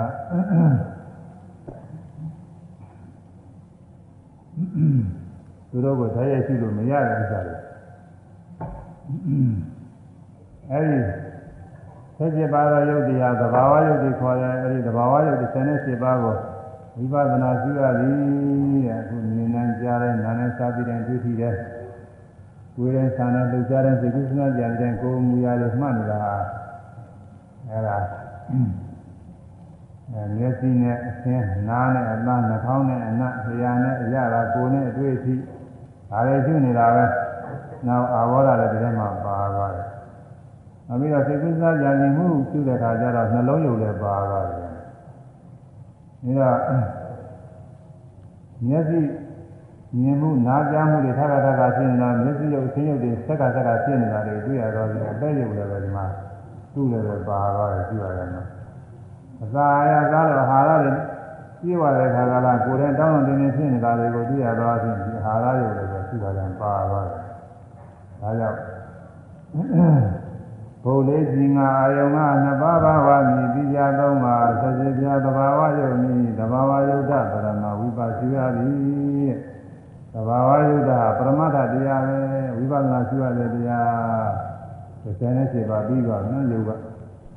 အဲယုတ်က28ခုရှိတယ်သာဝတဆက်ဆက်ထားတယ်ဟရိယယုတ်ဆို28ခုရှိတယ်28ခုရှိတော့38ကဝိပဿနာရှိရတယ်သဘာဝယုတ်ဘယ်လောက်ကြံနေရောဆို28မှာ တစ်ဆက်ရှိကရှိရတယ်ဆိုတော့တစ်ဆက်ကြားနေတာပေါ့ကျင်းရုပ်ဆယ်ရာပညာသာရှိရာမလို့ကြီးရဲ့ကျင်းရုပ်ဆယ်ရာပညာသာရှိရာမလို့ကြီးရှိရာမလို့ကြီး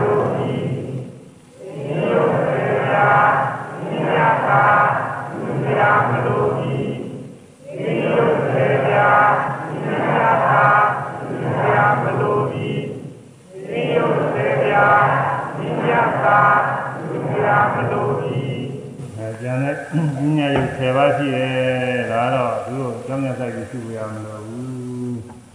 ဘာရောဆိုလို့ချင်းအာကာသရနှိဝိညာပောလနုခန္ဒီဖြစ်ပွားရင့်လသေပြမပညာရုပ်ဆယ်နီပညာရုပ်ဆယ်ခုကဒါတွေအာကာသကခင်းနေအခုခင်းနေပြင်များတော့ပဲယုတ်ကလတစ်ခုနဲ့တစ်ခုနဲ့မရောနှောပဲနဲ့ပြီးကြပြီးကြဒီနာခြားခြားခြားလေးတွေရှိတယ်အဲဒါအာကာသရခေါ်တယ် နင်းလင်းကြီးပေါ့ယုတ်ကလတစ်ခုနဲ့တစ်ခုနဲ့မရောနှောပဲနဲ့ပြီးကြဒီဒါမဲ့လို့လုံးလုံးမကြည့်ပဲနဲ့ဟားနေတာတော့မဟုတ်ဘူးလက်နှချောင်းပြီးတော့ပူးပြီးတော့အဲလက်မနဲ့လက်ညှိုးနဲ့နှိပ်ထားလို့ရှိရင်ဘယ်ကြားရလို့ဆိုရှိနေတယ်ဒါပေမဲ့လက်မနဲ့လက်ညှိုးတစ်ပေါင်းနဲ့ရောတယ်တစ်ခုတည်းရောလာတော့မဟုတ်ကြားပြီးတော့ကွဲနေအဲဒီလိုကြားပြီးကွဲနေတာကိုကြားတဲ့အာဃာတလေးရှိနေတာပဲသူကအာဃာတရှိနေလို့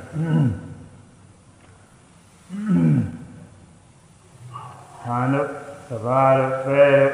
တောင်းနေထဲထားရေလောင်းချလိုက်ရင်ကြားတဲ့ကြောင့်ရေတွေဝင်သွားတာလေအာဃာတတွေကြားတဲ့ကရှိနေလို့အဲဒီလိုပဲကိုယ်ထဲမှာရုပ်တွေဟာလည်းအဲဒီရုပ်တွေခြားခြားမှာအာဃာတတွေကလည်းရှိနေ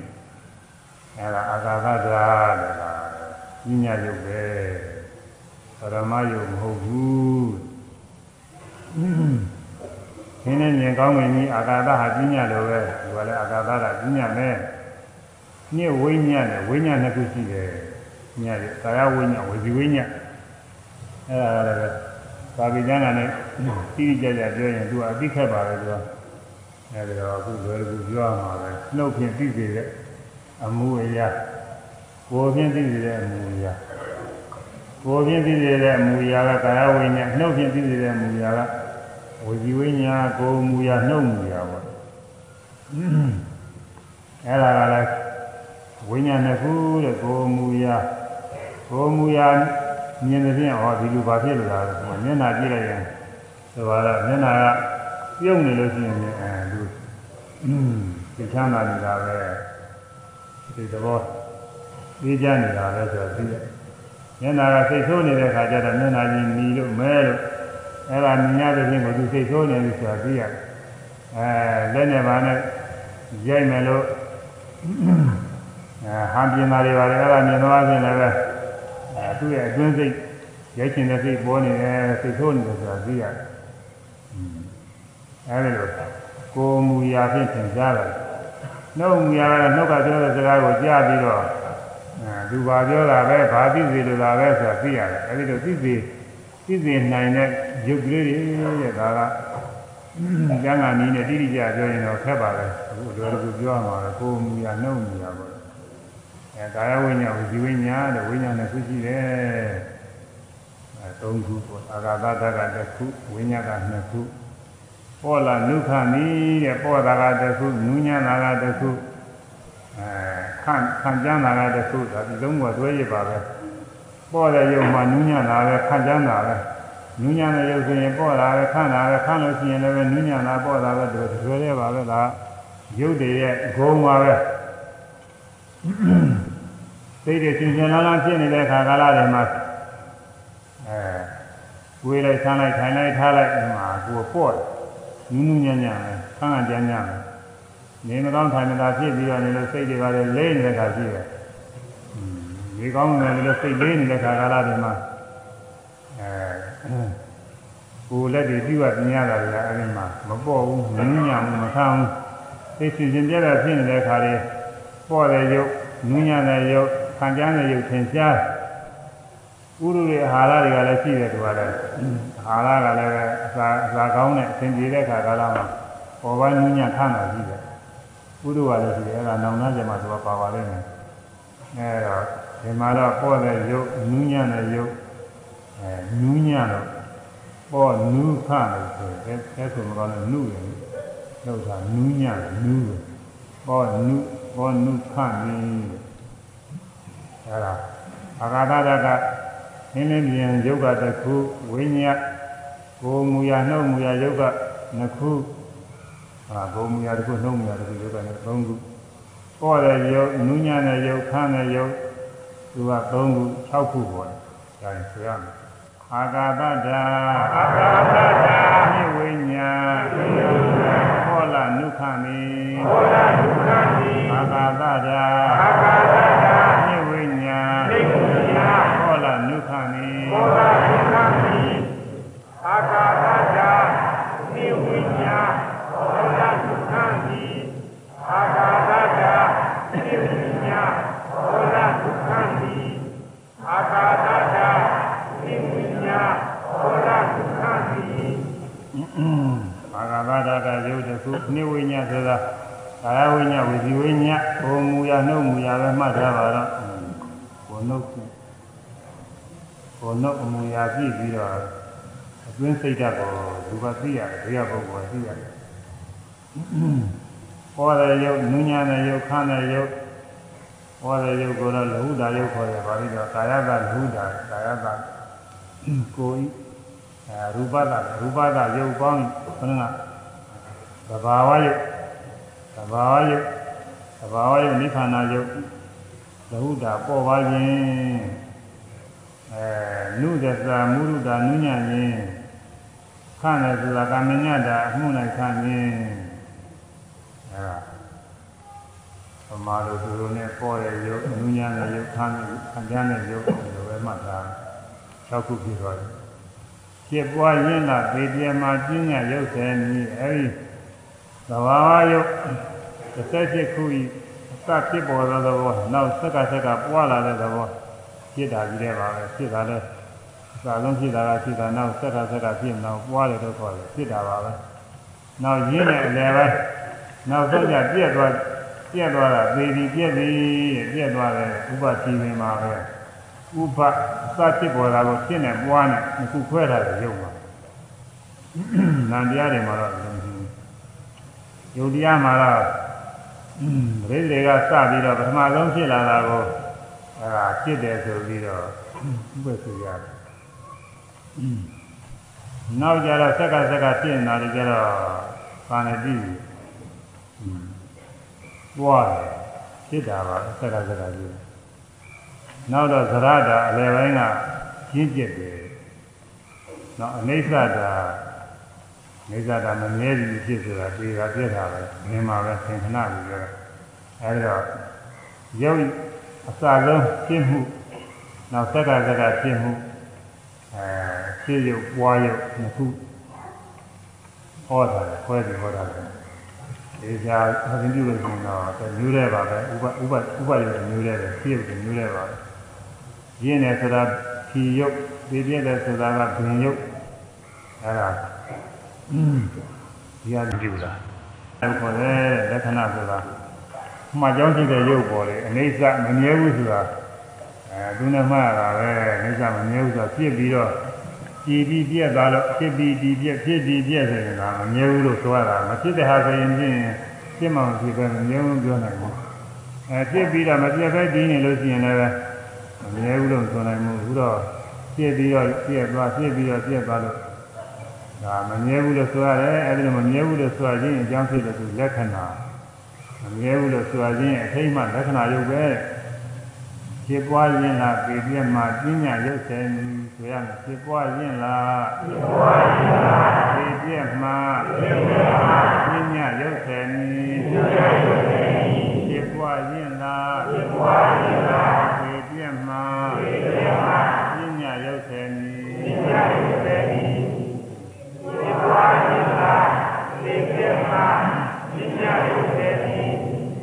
ဖြစ်ပွားခြင်းလား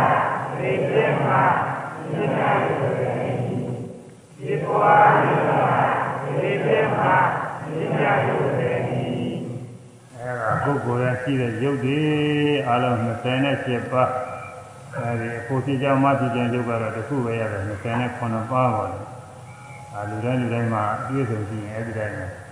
အဲမျက်စိ ကွဲနေတဲ့ပုဂ္ဂိုလ်ပြည့်နေတဲ့ပုဂ္ဂိုလ်ဆိုမျက်စိမရှိဘူးပေါ့လေနားကွဲနေတဲ့ပုဂ္ဂိုလ်ဆိုနားပြည့်နေတဲ့ပုဂ္ဂိုလ်ဆိုနားရုံမရှိဘူးအဲဒီတော့နည်းနည်းပါးပါးရော့နေတာလည်းသူရှိပါလိမ့်မယ်များသွားတဲ့ဒီရုပ်တွေ28ခုကတော့လူတိုင်းလူတိုင်းမှာရှိနေတာပဲဒီထဲမှာသင်ကြားတဲ့ရုပ်တွေဝိပဿနာကျူရတယ်မြင်နိုင်ကြတဲ့ဓဝါ၆ပါးသင်ကြားတဲ့ရုပ်တွေကျူရတယ်သင်ကြားတဲ့ရုပ်တွေမရှိလို့ရှိရင်အဲ့ဒါကိုပဲမြဲတဲ့အနေပုဂ္ဂိုလ်သတ္တဝါအနေနဲ့အရှင်မဆွဲလန်းကုန်တာ သနာနဲ့ပါရပြီးတော့ဆွဲလန်းတဲ့ဒိဋ္ဌိနဲ့အရှင်မမြင်မှဒီပုဂ္ဂိုလ်သတ္တဝါကောင်းနေတဲ့ဆွဲလန်းနေအဲ့ဒီတော့ဆွဲလန်းနေကြောက်အောင်လို့မြင်နိုင်ကြတဲ့ဓဝါ၆ပါးကဒီရုပ်တွေကိုရှုနေရတယ်နာမည်မပါသေးဘူးနာကတော့နောက်မှပြောမှာဆိုရုပ်ရုပ်ပိုင်းရှိသေးရူပခါရုပ်စုတွေ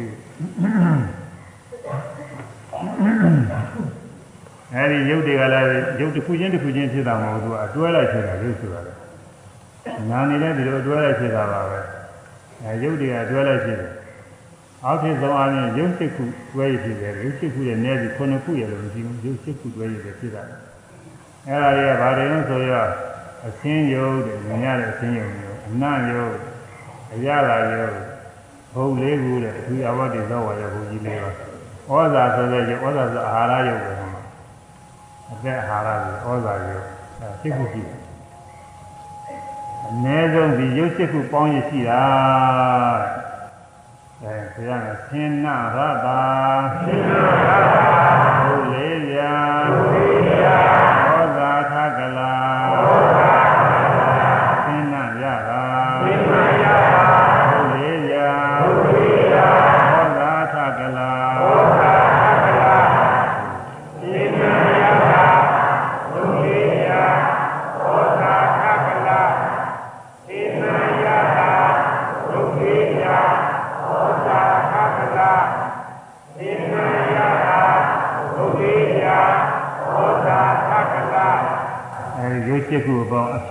ပြစ်ခုကိုကလဆိုတာပေါင်းအထက်ကကလပါပြည့်ပြည့်စုံတော့အဲ့ဒါအထက်ကပြစ်ခုအပေါင်းဖြစ်တဲ့ကလကလဆိုတာအစုပေါင်းကိုကလခေါ်တာရုပ်ပြစ်ခုအပေါင်းကလအဲ့ဒါကံကြောင့်ဖြစ်တာလားစိတ်ကြောင့်ဖြစ်တာလားဥရုကြောင့်ဖြစ်တာလားအာဟာရကြောင့်ဖြစ်တာလားလို့ဒီစစ်တဲ့အခါကာမဇမရှိကံကြောင့်ဖြစ်တဲ့သက္ကလာရဲ့လို့မရှိဘူး ကာညောင်ဖြစ်တာတော့ရုပ်စိတ်ခုရဲ့လည်းမရှိစိတ်ခုရဲ့မြင်ရတယ်ကာညောင်ဖြစ်တာကတော့ကာမဇကလကစိတ်ခုရဲ့လည်းမရှိဘူးကိုယ်ခုဆယ်ခုလို့ရှိတယ်ဒါကြောင့်ဒီလက်သေးကွင်းနဲ့ကာမဇမရှိဘူးသက္ကလာရုပ်ဆိုတာကာမဇမရှိဘူးဟောမုံမုံလေးတစ်ခုဆိုရင်ရုပ်စိတ်ခုပေါင်းမယ်ဘယ်တော့သေးသေးလဲ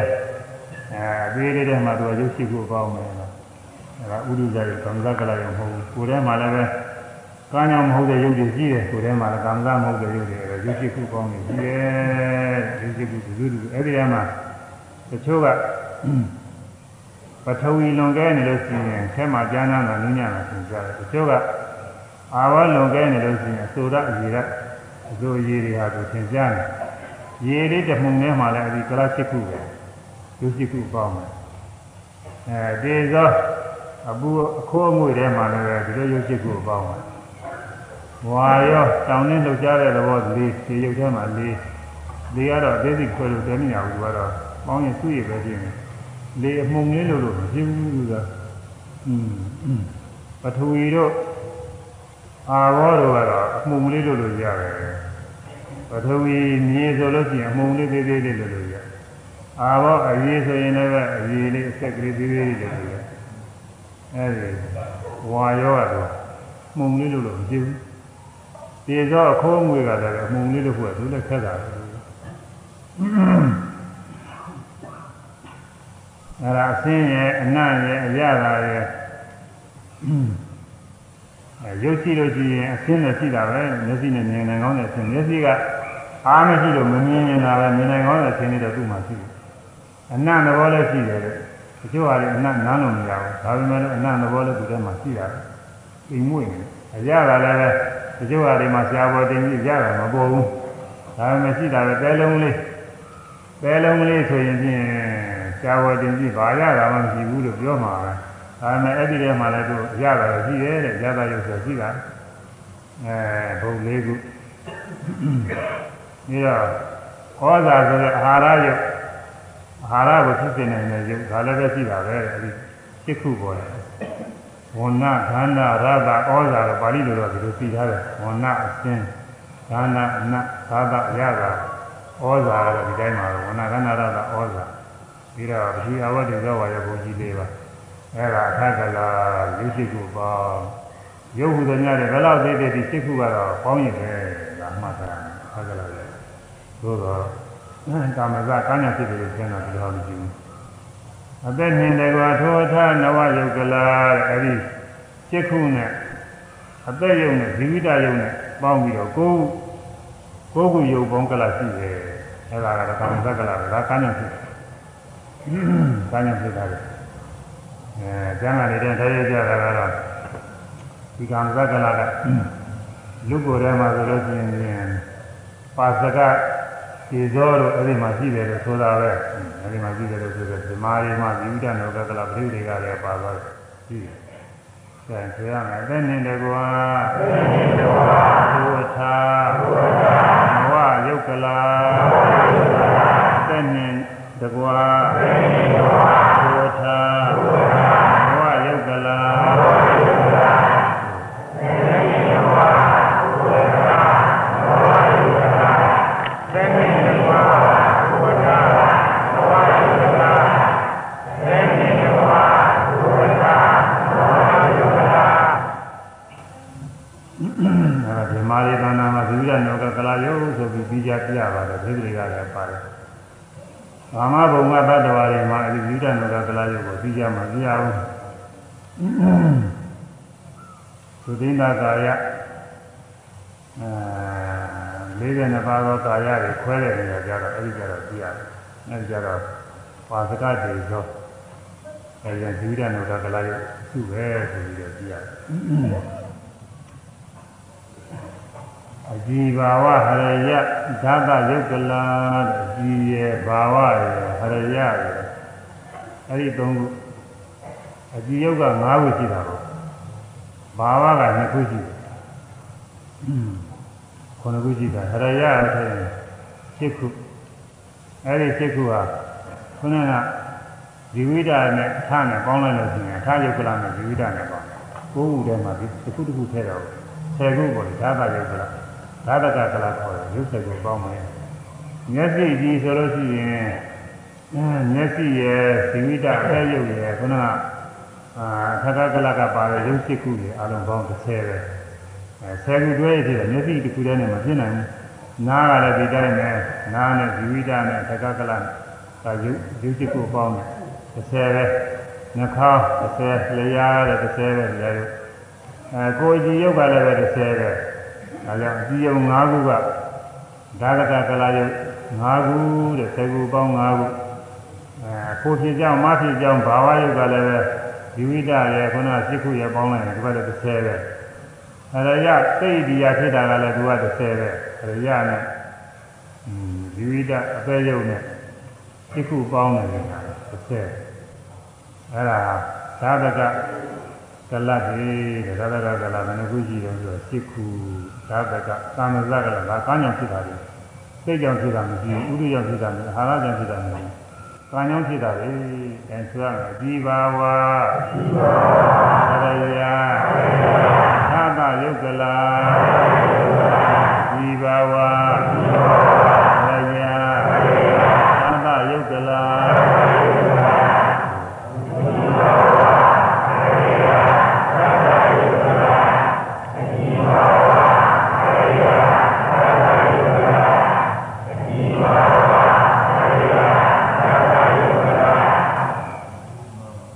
အဲ့ဒါကအရေးကြီးတယ်။ဒါဝိပဿနာရှိရတဲ့ယုက္ကလတွေဒါလည်းအရေးကြီးတဲ့အခါမျက်စိကမြင်တိုင်းမြင်တိုင်းမြင်တယ်မြင်တယ်ဖြစ်ရင်မျက်စိမြင်မှုတရားဖြစ်တဲ့မျက်စိရုပ်ဆိုတာမျက်စိရုပ်တစ်ခုတည်းမဟုတ်ဘူး။အော်ဇီဝိတရဲ့ခုနကရုပ်ရှိခုအပေါင်းအစဉ်အနတ် ရတာဘုံလေးပါးဩဇာရုပ်ရှိခုအပေါင်းအဲဒီရုပ်ရှိခုရဲ့ဇီဝိတရဲ့အဲမျက်စိဒီရုပ်ရဲ့အားလုံး10ခုပေါင်းအဲ10ခုပေါင်းရင်မျက်စိထဲမှာဒီလိုကလတ်တွေအများကြီးပေါ့တမှုံနဲ့မဟုတ်ဘူးတမှုံတမှုံနဲ့မဟုတ်ဘူးကအမှုံတွေအများကြီးပေါ့တမှုံနဲ့မျက်စိဒီရုပ်အမှုံလေးတစ်ခုတစ်ခုမှာအဲဒီအဲရုပ်10ခုပေါင်း10ခုပေါင်းပါဝင်တယ်အဲ့ဒါလေးနားလည်ထား အဲနားရတယ်နားရုပ်ကလည်းဒီတိုင်းပဲ10ခုပေါင်းတယ်နှာခေါင်းရုပ်ကလည်း10ခုပေါင်းတယ်လျာရတာပြီးတဲ့ခါမှာရတာဤတရားရတာဤပညာဖြစ်တဲ့ရတာပြရဌာနလေးအဲဇေဝဇေဝပဒါရခေါ်တဲ့တရားကြီးရုပ်အဲတရားကြီးသူတစ်ခုရဲ့မဟုတ်ဘူးသူကလည်းပဲဇီဝိတနဲ့ပေါင်းရင်ပဲ စိတ်ခုယုံနဲ့ပေါင်းရင်အလုံး30ကြီးတဲ့ပဲရုပ်30 30ပေါင်းရင်ယောက်ျားဖြစ်ကြောင်းရှိသောယုတ်မိန်းမဖြစ်ကြောင်းရှိတဲ့ယုတ်ဘာဝယုတ်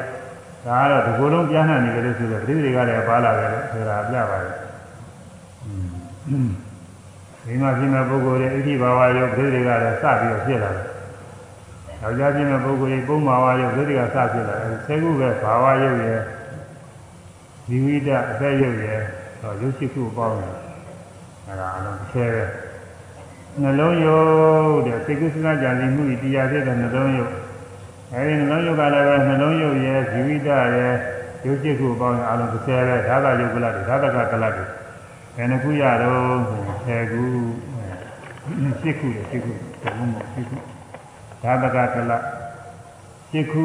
တဲ့ဒါကားကြောင့်ဖြစ်သလားစိတ်ကြောင့်ဖြစ်သလားဆိုကားကြောင့်ဖြစ်တာကာမဇကလတ်ပဲစိတ်ကြောင့်မဖြစ်ဥဒိကြောင့်မဖြစ်အာဟာရကြောင့်မဖြစ်ဘူး ကံအားလျော်စွာဖြစ်တာတဲ့ခြေကုသိုလ်ကံရှိတဲ့ပုဂ္ဂိုလ်တွေကုသိုလ်ကံကြောင့်ဒီမျက်စိနားစသည်တွေဖြစ်တယ်အကုသိုလ်ကံရှိတဲ့ပုဂ္ဂိုလ်တွေမှာအပေလေးပါးကတော့ဘုံသတ္တဝါတွေပါပဲလူလူတွေကတော့မဟုတ်ပါဘူးလူဆိုလို့ရှိရင်တော့ကုသိုလ်ကံကြောင့်ဖြစ်တာပဲနားဆိုရင်လည်းကုသိုလ်ကံကြောင့်ဖြစ်တာပဲအပေလေးပါးသတ္တဝါတွေမှာမျက်စိကြည့်နားမျက်စိရောနားတော့ဟာအကုသိုလ်ကံကြောင့်ဖြစ်တယ်ကောင်းပါလေမြင်မှုရတယ်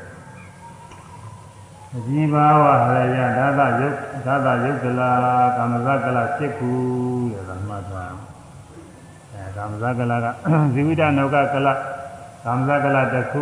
အဲအခုဒီကဒါကကကလာ10ခု10ခုပေါင်းကလာက7ခုကိုယ်ခုရှိပေါ်တယ်အဲဒါပဲတာညာဖြစ်တဲ့ရုပ်ကဒါပဲရှိတယ်ဒီရင်ဟာတွေကတော့တာညာဖြစ်တာတွေမဟုတ်ဘူးနောက်ပါလေ အပန်းနဲ့လည်းကထိုအထနဝယုတ်ကလရှိကအသင်းရဲ့အနံ့ရဲ့အရသာရဲ့ဩဇာရဲ့ဘုံလေးပါးရဲ့စိတ်ခုအပေါင်းအဲ့ဒီစိတ်ခုအပေါင်းမှာအပန်းနဲ့တွဲပြီးတော့ဖြစ်လာတာရှိတယ်ဒီအပန်းလေးကြားတဲ့အပန်းတွေပေါ့အဲ့ဒီအပန်းမှာ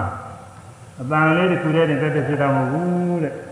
ဓာကြီးလေးပါးပါတယ်အသင်းပါတယ်အနံ့ပါတယ်အရသာပါတယ်ဩဇာရုပ်လည်းပါတယ်အားလုံးကိုးခုရှိတယ်စိတ်ခုနဲ့ အပန်းနဲ့တွဲလိုက်တော့ကိုးခုပေါ့အဲအပန်းနဲ့တကွထိုထအဲဒီစိတ်ကူပေါင်းသလဟာအပန်းနဲ့တကွပေါင်းယူလို့ရှိရင်ကိုယ်ကလာလူရင်းတော့ဟိုဟာတွေပေါင်းတာတော့မဟုတ်ပါဘူးတွက်လွယ်အောင်လို့ဟိုကဒီကပြောရတာထိုထလို့ပြောရတာအမှန်စင်းကတော့အပန်းနဲ့တကွဖြစ်တဲ့ယုတ်ကယုတ်စိတ်ကူကသူ့အတူတခြားပါပဲဟိုကလာတာတော့မဟုတ်ပါဘူးအပန်းနဲ့တကွထိုထနဝယုတ်ကလာတဲ့အဲဒီနဝယုတ်ကလာအပန်းကြီးတာက ကာညောင်းဖြစ်သလားစိတ်ကြောင့်ဖြစ်သလားဥဒုကြောင့်ဖြစ်သလားဟာရကြောင့်ဖြစ်သလားလို့ဆိုတော့ပါရဏောကကလလို့ခေါ်တယ်တဲ့ပဋ္ဌအပန်းနဲ့နဝကိုခုမြောက်အပန်းနဲ့ကိုခုမြောက်အပန်းနဲ့တဝကိုခုပေါ်တယ်အဲဒါစိတ်တစ္ဆစိတ်ကြောင့်ဖြစ်တယ်ဥဒုဇဥဒုကြောင့်ဖြစ်တယ်အခုဘုန်းကြီးရုပ်ဆုံးနေတာလေစိတ်တစ္ဆစိတ်ကြောင့်ဖြစ်တာလေ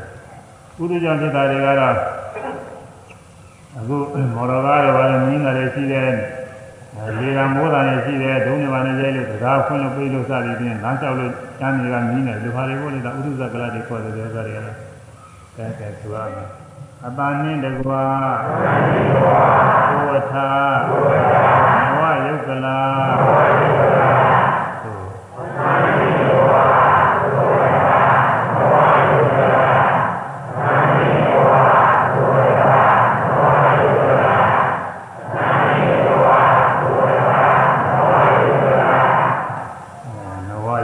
နဝကကလာအာရနဝကကလာပါဠိလိုခေါ်တယ်အပန်းအပန်းညီလို့ရှိရင်အ ਨੇ ဆုံးရုပ်ကိုယ်ရှစ်ခုနဲ့အ ပန်းနဲ့ပေါင်းပြီးတော့ကိုယ်ခုဖြစ်ပြီးတော့ပြီးတယ်အဲဒီရှစ်ခုတဲ့ကိုယ်ခုထဲမှာဝိညာဉ်ဆိုတဲ့အဲကိုယ်မူရာသိစေတဲ့ဝိညာဉ်နှုတ်မူရာဖြင့်သိစေတဲ့ဝိညာဉ်အဲဒီဝိညာဉ်ရုပ်ထည့်လိုက်လို့ရှိရင်တော့ရှစ်ခုထဲမှာဝိညာဉ်ရုပ်ထည့်ကိုယ်ခုဖြစ်တာပေါ့ကိုယ်ခုထဲမှာဝိညာဉ်ရုပ်ထည့်လို့ရှိရင်ဆယ်ခုဖြစ်တယ် ထိုရှစ်ကိုမှာဝိညာဉ်ပါကိုယ်ရာဆယ်ကလာတဲ့ခုကိုယ်ခုကလာလည်းရှိတယ်ဆယ်ခုကလာလည်းရှိတယ်ရှစ်ခုထဲရှစ်ခုထဲမှာဝိညာဉ်နဲ့တွဲပြီးတော့ကိုယ်ခုကလာရှိတယ်ကိုယ်ခုထဲမှာအတန်နဲ့တကွာပေါ့အတန်နဲ့တကွာကိုယ်ခုထဲမှာဝိညာဉ်ဝစီဝိညာဉ်ပါတယ်ကာယဝိညာဉ်တော့မရှိဘူးတော့ဝစီဝိညာဉ်အဲဝစီဝိညာဉ်ထည့်ရင်ချင်းသူကဆယ်ခုဖြစ်လာတယ်ကိုယ်ရာဆယ်ကလာအဲ့ဒါက ကာမဇကလာလားဥဒုဇကလာလားဟာရဇကလာလားဆိုတော့အဲနဝကနဲ့သာသကကလာနှစ်မျိုးပဲစိရိဇကလာစိတ်ကြောင့်ဖြစ်တာလေတဲ့ဒါတွေကစိတ်ကြောင့်ဖြစ်တာလေဥရုကြောင့်ဖြစ်တဲ့အနာမှာတော့ဝိညာဉ်မပါဘူးစိတ်ကြောင့်ဖြစ်တဲ့အနာကျတော့ဝိညာဉ်ပါတာထိုจิตကိုမှာဝိညာဉ်ပါကိုရဆေကလဆိုရမယ်ထိုจิตကိုမှာဝိ ညာဉ်ပါကိုရဆေကလ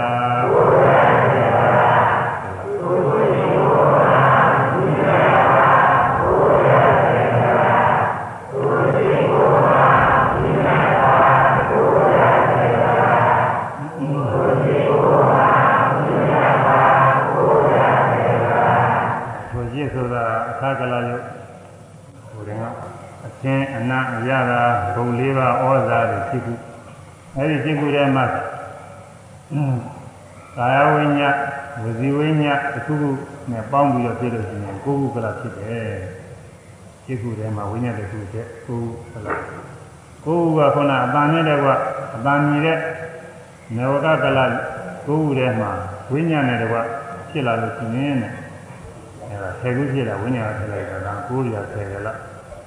ကိုယ်ခုကလလည်းရှိတယ်ဆယ်ခုကလလည်းရှိတယ်နဝကကလဓာတကကလလို့ခေါ်တယ်စိတ်ဒကကြီးရဲ့ပဲစိတ်ကြောင့်ဖြစ်တာလေဒီဟာတွေကတော့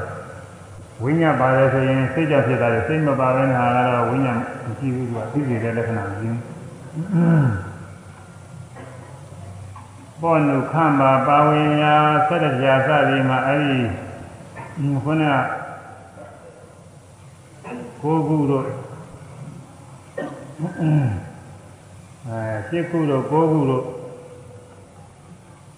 ဆယ်ခုတို့ထဲမှာ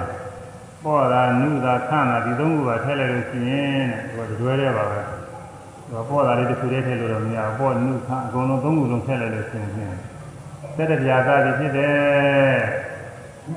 ရှစ်ခုထဲမှာရှစ်ခုနဲ့ပေါ်နုခန့်နဲ့တွဲပြီးတော့ဖြစ်လို့ရှိရင်ဒါတက်တက်ခလာပေါ့ဆက်ခုကောင်းကလားอืมအဲတတ္တနဝကအပန်နဲ့တကွာကိုးခုထဲမှာ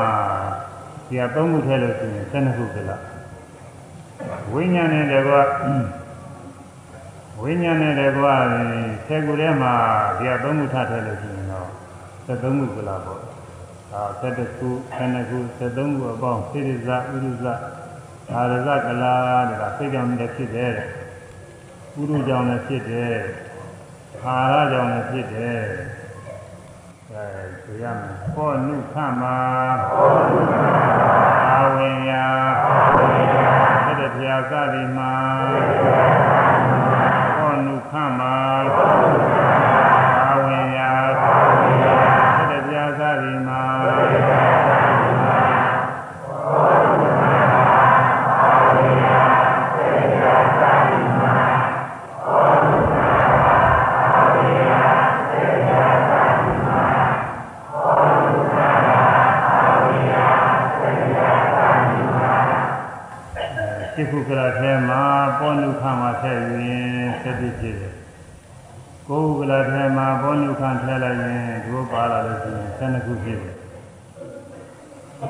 ဆယ်ခုကလာထဲမှာခုန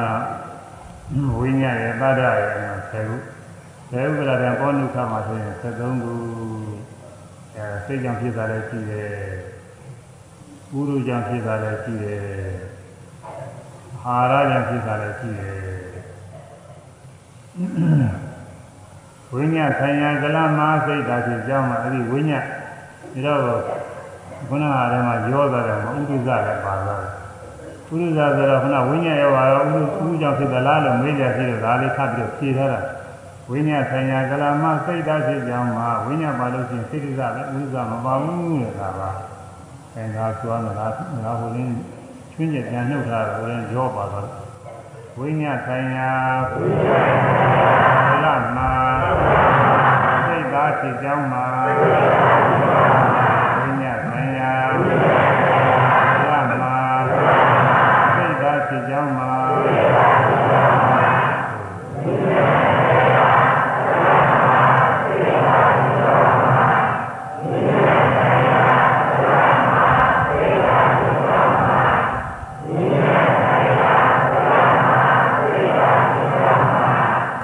ဒီကစေတဇာဥရုဇအာရဇကလတ်သက်တိစနစ်73မှာ ဥရုဇဘာသာဥရုဇဘာသာလေးကဝိညာဉ်ဘာသာလေးကရှိနေတယ်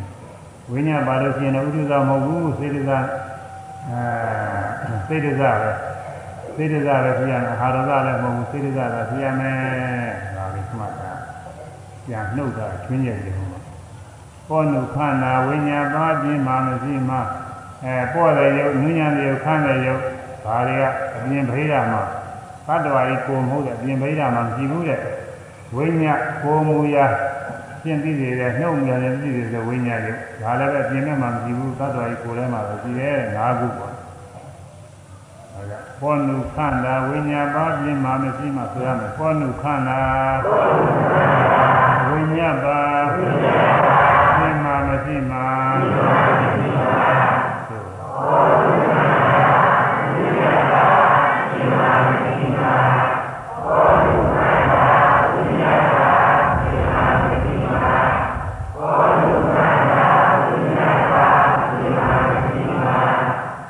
ဘောနုခဒုဒ္ဒမုရုဒ္ဒကမညတဒီရုပ်တွေအပြင်မဲ့ဗိဓာမှာမရှိဘူးတဲ့ ကာယဝိညာဉ်ဝိဝိညာဉ်မရှိဘူးတဲ့အဲဒါအပြင်ရှိတာဘာရှိတယ်ဆိုတော့အထကလာယုံနဲ့ပါဒနောကကလာယုံဒါပဲရှိတယ်စိတ်ခုအပေါင်းရုပ်ရှိတယ်အပြင်မဲ့မြည်ကြီးမြည်ကြီးတို့သစ်ပင်တောတောင်ကတိအကုန်လုံးပေါ်လေဗျာစိတ်ခုကလာရှိတယ်နောက်အတန်မြည်တဲ့ခါကလာအတန်နဲ့တကွာကိုယ်ခုကလာဒါပဲရှိတယ်အခုတော်မူတကမြတ်တယ်မရှိဝိညာမရှိ သာဘသေးယတန်ဒီမာကာဘဝသုံးကြီးသာဘသေးယဒီဝါနဲ့ဒိဋ္ဌိနေကသာမှာဒိဋ္ဌိစိတ်နဲ့ဒီပေါင်းကြီးတစ်ခါလဲဖြစ်ရုပ်တယ်ကလဘယ်နှခုပြည့်တုံးဆိုတော့သုံးခုတဲ့ကာယဘာဝဝတ္ထုတဲ့ခရယတရားဝတ္ထုကာယကိုယ်ကြီးရုပ်နဲ့တကွ30ကာယရတကလဘာဝအဖို့ဖြစ်ကြောင်းအမဖြစ်ကြောင်းရုပ်နဲ့တကွ30ဘာဝရတကလ ဝတ္ထုခရယဝတ္ထုအဲစိတ်တရားမြင်ရတဲ့ခရယဝတ္ထုဒိဋ္ဌိစိတ်တရားမြင်ရတဲ့ခရယဝတ္ထုနဲ့တကွရုပ်ပေါင်း30အဲ့ဒါရုပ်ပေါင်း30ပေါ့ကလ30ရုပ်ပေါင်း30မိဝါနဲ့ဝိရိနေကသာကဒီဒီဟာနဲ့အရင်တည်ပြီးတော့ဖြစ်လာတာတဲ့ကာယဘာဝဝိတုသတကကလသုံးပါးကဖြစ်ပြီးနောက်ကလည်းလက်ကွင်းနဲ့လေးတွေပေါ်လာတယ်အဲဆိုရမယ်သာဘသေးယသာဘသေးယအန္တိမာအန္တိမာသာဘဝ တ္တောမြီသာဘသေးယအန္တိမာသာဘဝတ္တောမြီ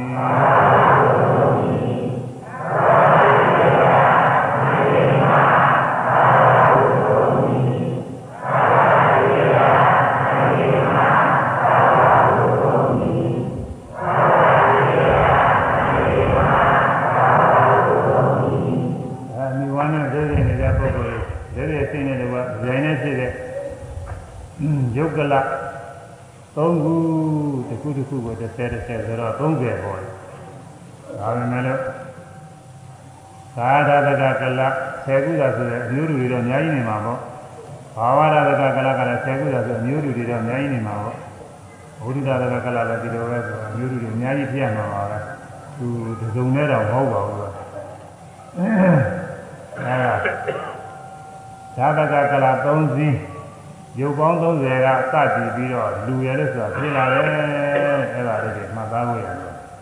လူပြည့်တာပြင်းပြင်းမှုမှုဒီသေးလေးကစဖြစ်လာတယ်ခုနကလတ်တွေဖွဲ့လာတော့ဒါကြောင့်ပြီးတော့လည်းပဲဒီဟာတွေကတစ်ဖြည်းဖြည်းဒီရုပ်တွေပွားပြီးတော့လာလို့မျက်စိတော့နားတော့နှာခေါင်းတော့ဆရာတော့ကိုယ်လို့ဆိုအကြီးဘုထုတွေကဘယ်ချိန်ဖြစ်တုံးဆိုတော့အဲကိုကတော့ပါသွားတယ်ကွာမျက်စိနားနှာခေါင်း လျှာဒီဒီလေးခုကဘယ်အခါမှဖြစ်တယ်လဲဆိုရင်အခါက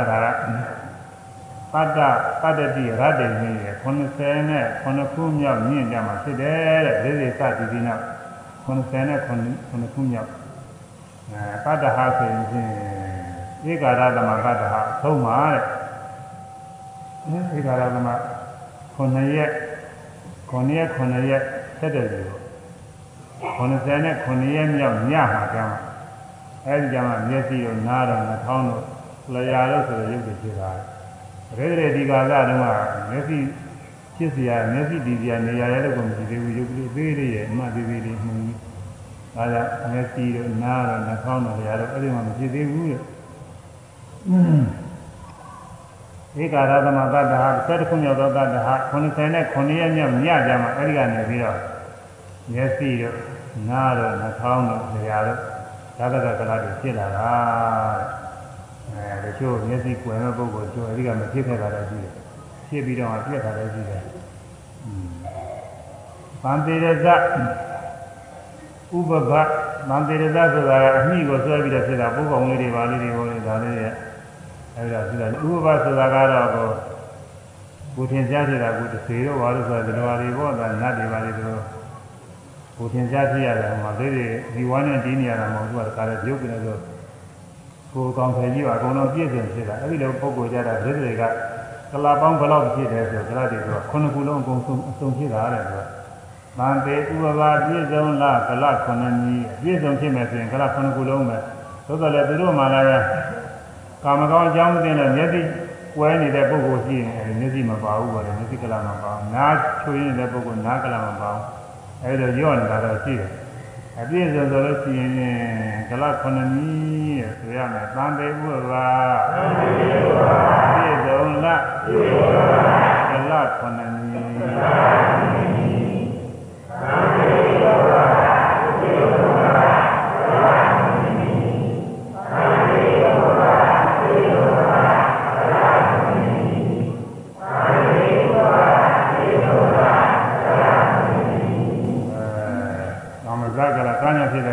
ဘု ခုရှိတာစိတ်ခုထဲမှာဘာဝကလကနှစ်ခုလုံးတစ်ပြိုင်တည်းတော့မရှိဘူးအဖို့ဖြစ်မဲ့ပုဂ္ဂိုလ်ဘုံဘာဝကလအမဖြစ်မဲ့ပုဂ္ဂိုလ်ဣတိဘာဝကလဒီတစ်ခုချင်းသာရှိရဒါကြောင့်မို့လို့ခုနှစ်ခုဆိုရင်သုံးတော့လက်လည်းပဲရောလို့လည်းဖြစ်လက်လည်းတိုးလို့ဖြစ်ဘူးဒီခုနှစ်ခုကအပြည့်စုံတယ်အဲဒါဟိုမှာလည်းပဲကွန်းနဲ့ပြထားတယ်ကလခုနှစ်နည်းရပါတယ်ဆိုသက္ခုသောတာခာနာဇိန်ဝါမျက်စိကြီးနားကြီးနှာခေါင်းကြီးလျှာကြီးကိုယ်ကြီး အဒီယုံ၅ခုနောက်ဘာဝ